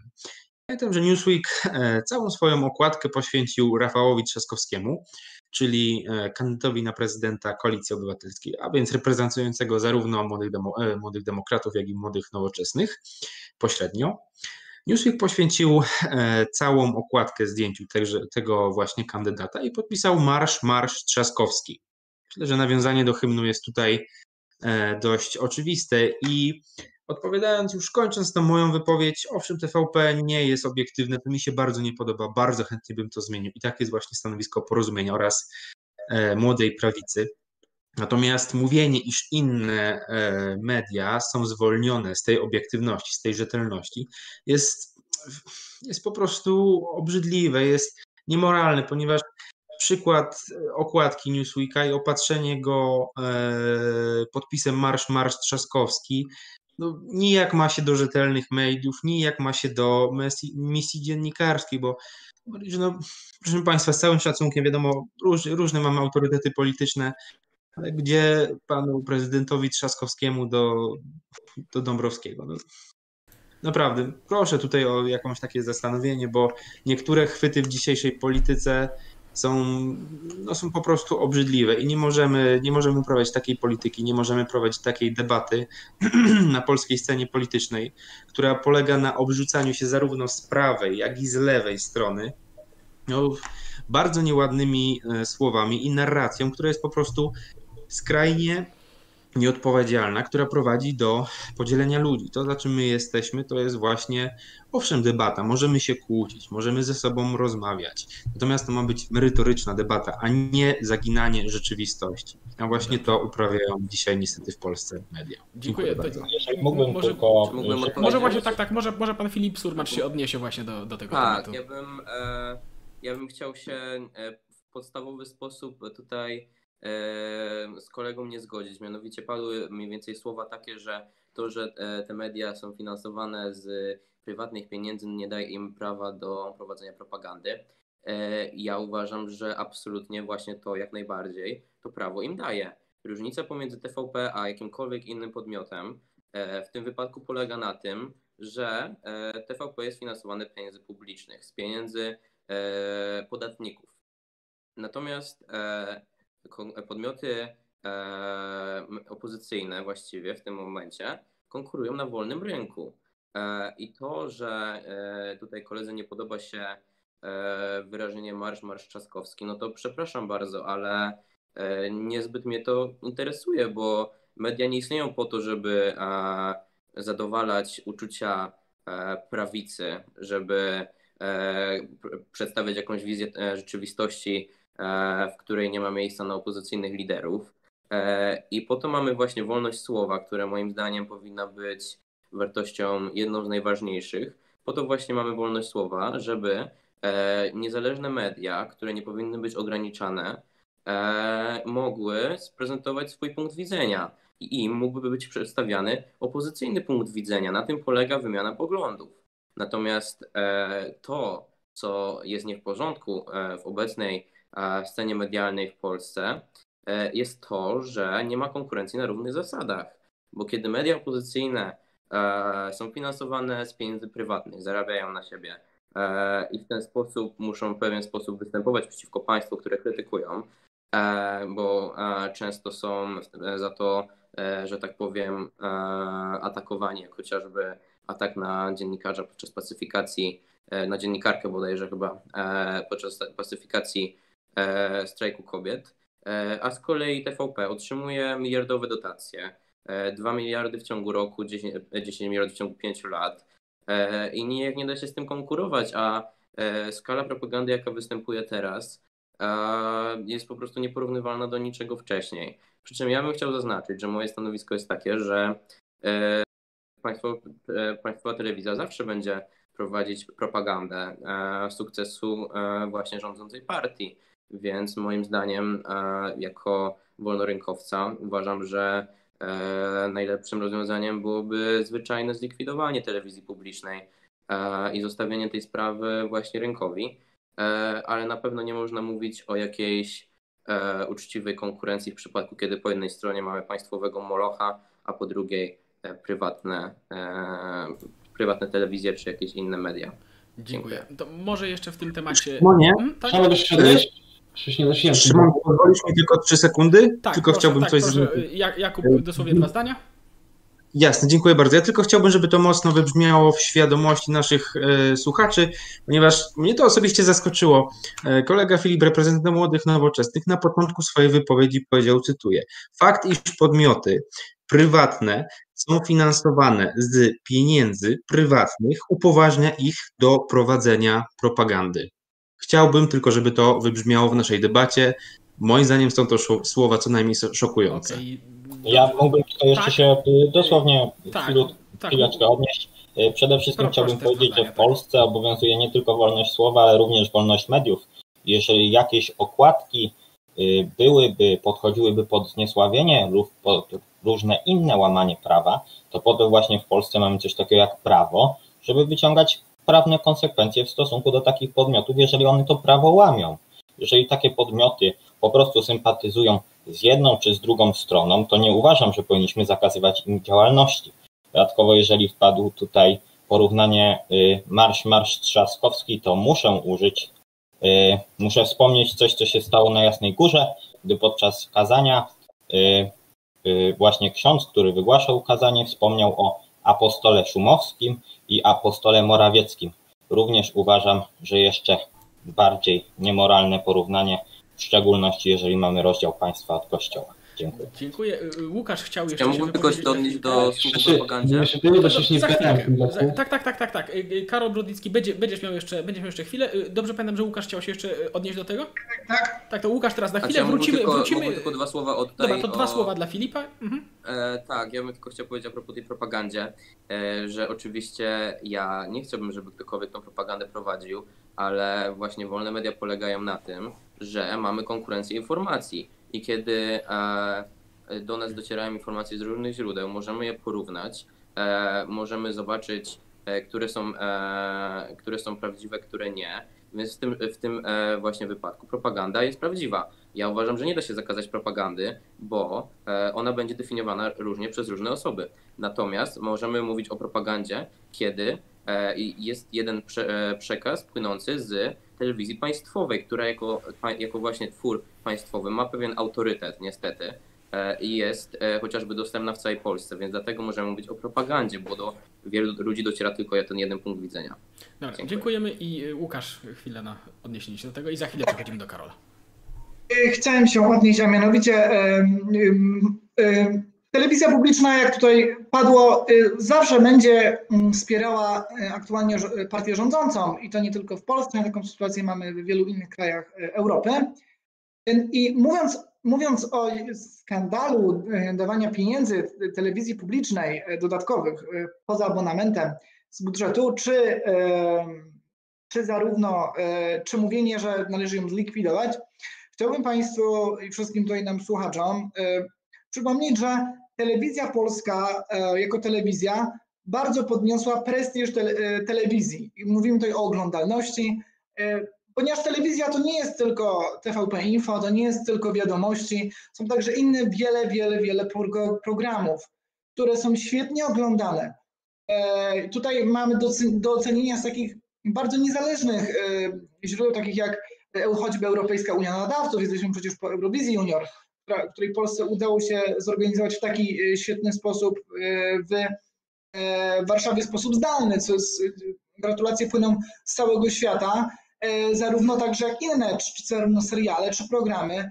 To także ma znaczenie, by, by były źródła polskie, były polskie produkcje, także to wspiera gospodarkę, a nie tylko i wyłącznie oddawanie się tworom, bo jeżeli by, by przyjąć na zasadzie odciąć teraz telewizję polską, no to praktycznie w Polsce, jeżeli sobie zdamy sprawę, y, tyle ile jest polskich mediów, jest ich bardzo mało, a jednak ta suwerenność, także, y, także w kontekście informacji i w kontekście także programów pozostałych jest bardzo istotna. I właśnie te, te wszystkie pozostałe programy są świetnie oglądane i Polacy potrzebują tego i nie można teraz mówić o jakiejkolwiek y, likwidacji, y, tylko ze względu na jeden odbiór, który jest jeszcze relatywny, bo y, i nie jest dokładny, nie można tego dokładnie stwierdzić i to tylko bazuje na pewnych opiniach, dlatego że w 2013, 2014, w wcześniejszych latach, choćby proszę zobaczyć zachowanie choćby Beaty Tadli, podczas o- ogłaszania, kto wygrał wybory, wręcz e, płacz na, na wizji. Wcale, wcale nie mówiono o telewizji publicznej, która jakby nagle e, zmieniła swoje nadawanie 180 stopni, nagle stała się e, propagand, e, jak to jest określone, propagandowa. To chciałem Dobra, Dziękuję. dziękuję. I Karol Brodni- Brodnicki jeszcze proszę wypowiedzieć w tym temacie pluralizmu mediów jeszcze chwilkę tutaj. Dziękuję za udzielenie głosu. Ja bym chciał w sumie raczej kwitować tę dyskusję o TVP, odnosząc się do formacji rządzącej. Mianowicie, kiedy zapytać polityka tejże formacji o stan TVP i wiadomości, to możliwe są trzy odpowiedzi. Pierwsza to jest Jacek Sasin, ja tego nie oglądam. Druga to jest wypowiedź na przykład premiera Glińskiego, mianowicie, no, może TVP nie jest obiektywne, ale inne media też obiektywne nie są. A trzecia odpowiedź jest następująca, mianowicie należałoby coś zmienić. Niemniej jednak, jak widzimy, problem z TVP ciągnie się już z nami przez lata. A jest jakaś inicjatywa, żeby coś zmienić, żeby coś poprawić? Nie ma jej.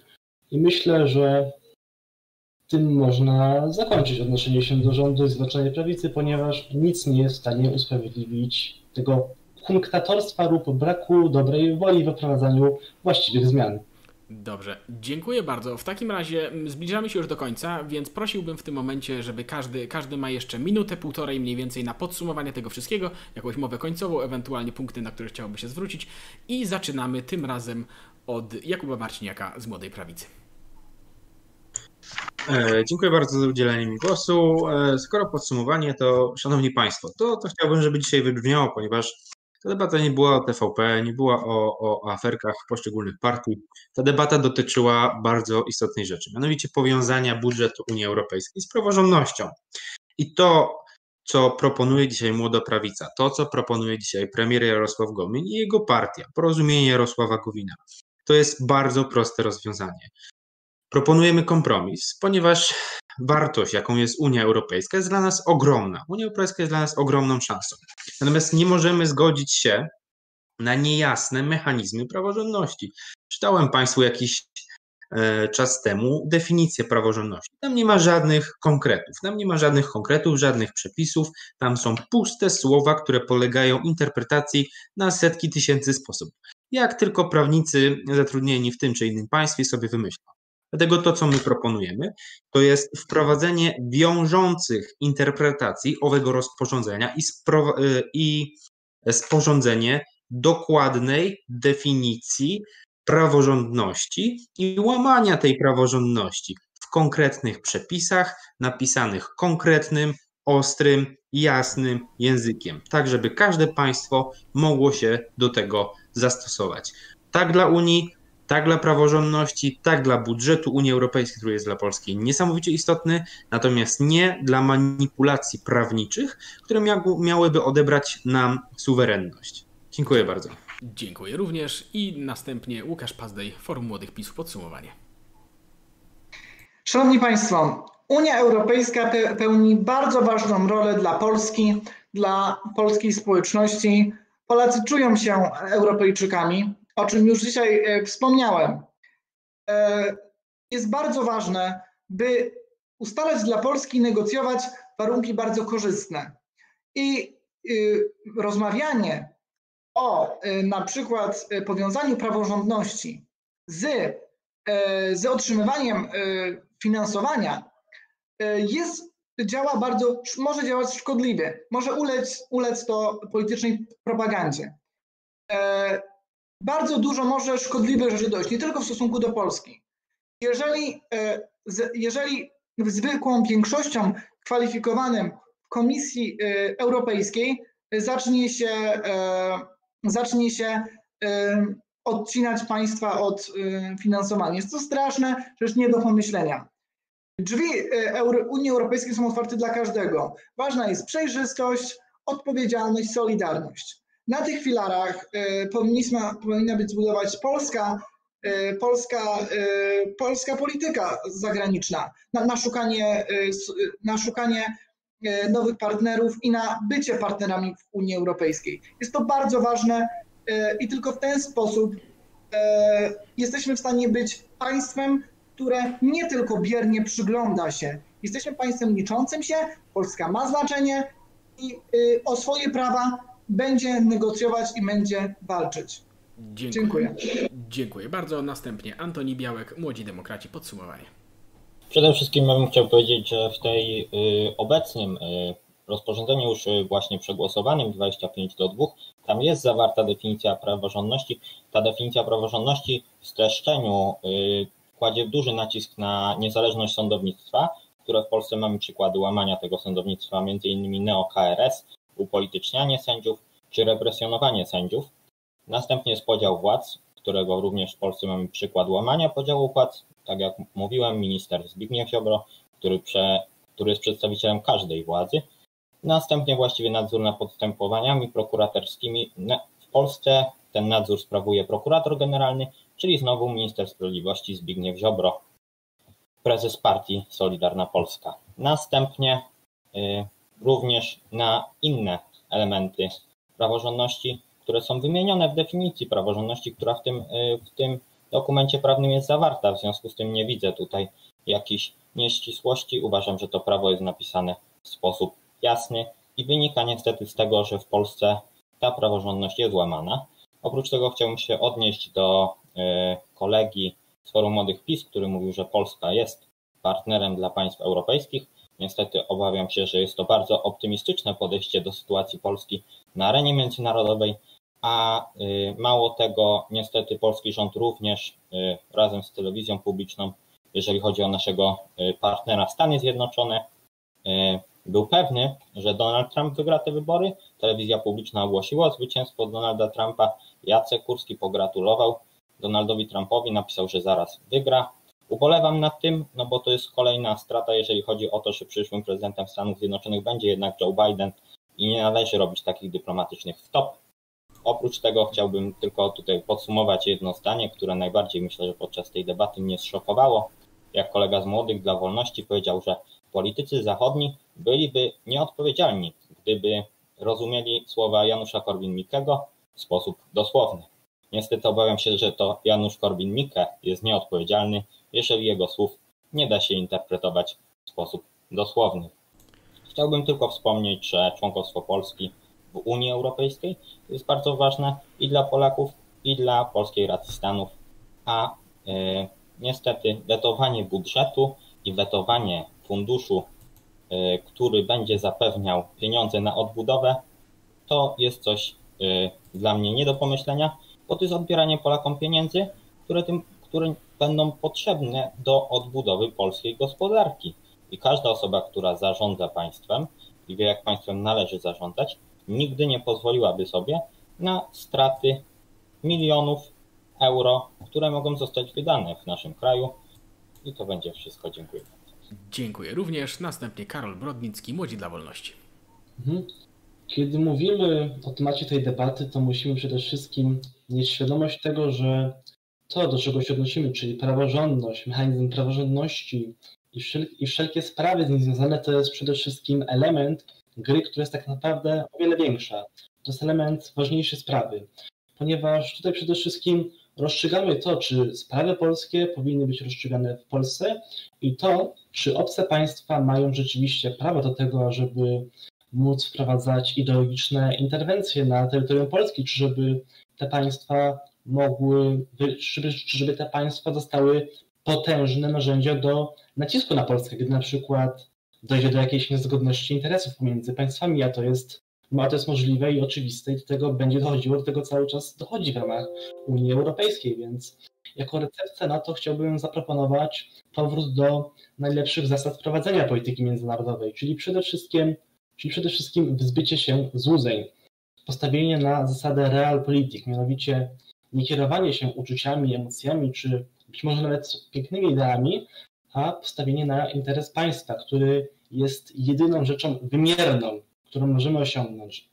Natomiast jeszcze odnosząc się do kolegi Białka, który tutaj wywołał, no to przede wszystkim, kiedy mówiłem o politykach Unii Europejskiej, no to gdyby poczuli się obrażeni lub chcieli podejmować pewne decyzje w oparciu o to, co powiedział Janusz Korwin-Mikke, to rzeczywiście byliby bardzo nieodpowiedzialni, ponieważ tak się po prostu nie kształtuje polityki międzynarodowej.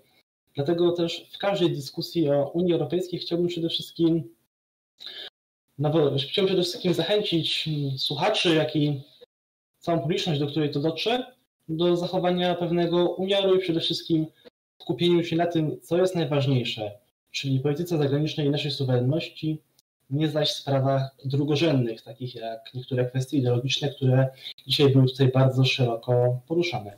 Dziękuję bardzo za debatę. Dziękuję również i następnie Filip Surmacz, Młodzi Nowocześni. E, dziękuję. Ja bym chciał na samym początku e, zauważyć pewien fakt, który w pewien sposób napełnił mnie nadzieją, że tak powiem, e, bo wszyscy nasi, uczestnicy naszej debaty, e, tak samo jak zdecydowana większość Polaków, opowiada się jednak za pozostaniem e, Polski w ramach Unii, Europ w, w Unii Europejskiej. E, chociaż oczywiście wizje na to członkostwo są różne i e, w tym nie ma absolutnie nic złego, e, bo na tym polega Unia Europejska, na tym polega demokracja. Prześcierają się różne wizje, różne pomysły i różne rozwiązania. Ale mnie mimo wszystko cieszy, że, że jednak konsensusem pewnym w polskiej polityce jest to, że członkostwo w Unii Europejskiej jest dla Polski korzystne.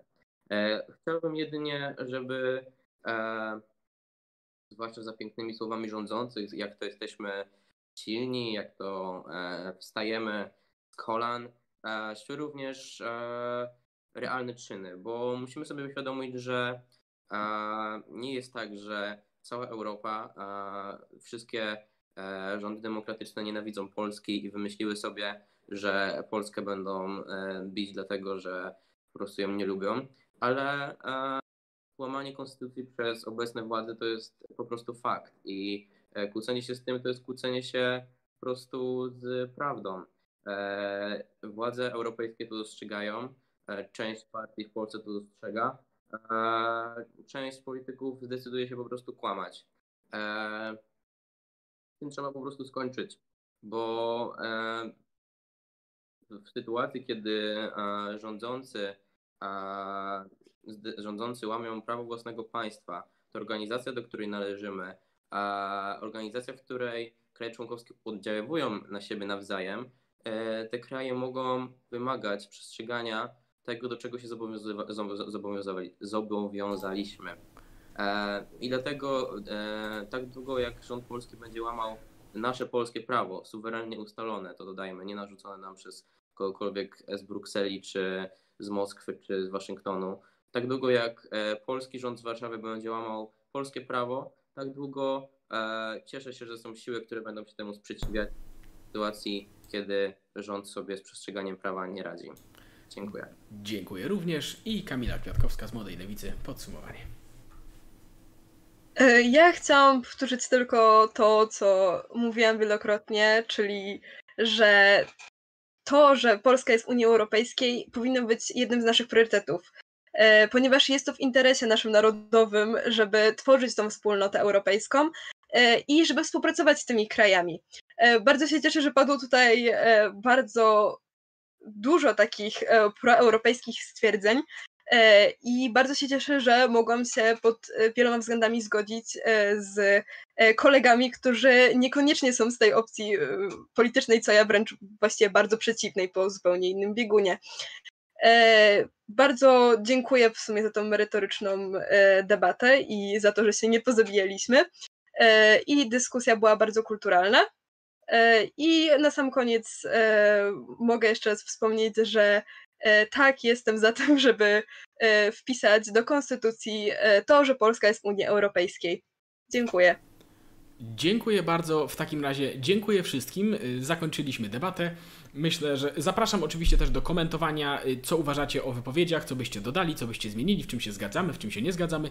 I, i miejmy nadzieję, miejmy nadzieję, że dyskusje polityczne w naszym kraju będą podobnie kulturalne jak ta dzisiejsza, ale jeżeli, że tak powiem, jesteście wszyscy na kursie w, ty, w tym kierunku, to miejmy nadzieję, że w, ty, że w tą stronę wszystkim to pójdzie. Więc raz jeszcze bardzo dziękuję wszystkim i do usłyszenia. Dzięki bardzo wszystkim. Również Do usłyszenia. bardzo. Bardzo dziękuję, do kolejnej debaty wszystkim. Dziękuję Dziękuję. bardzo za debatę Również wszystkim. chciałbym podziękować wszystkim za merytoryczną rozmowę. Dziękuję bardzo. Dziękujemy bardzo. Do usłyszenia, widzowie.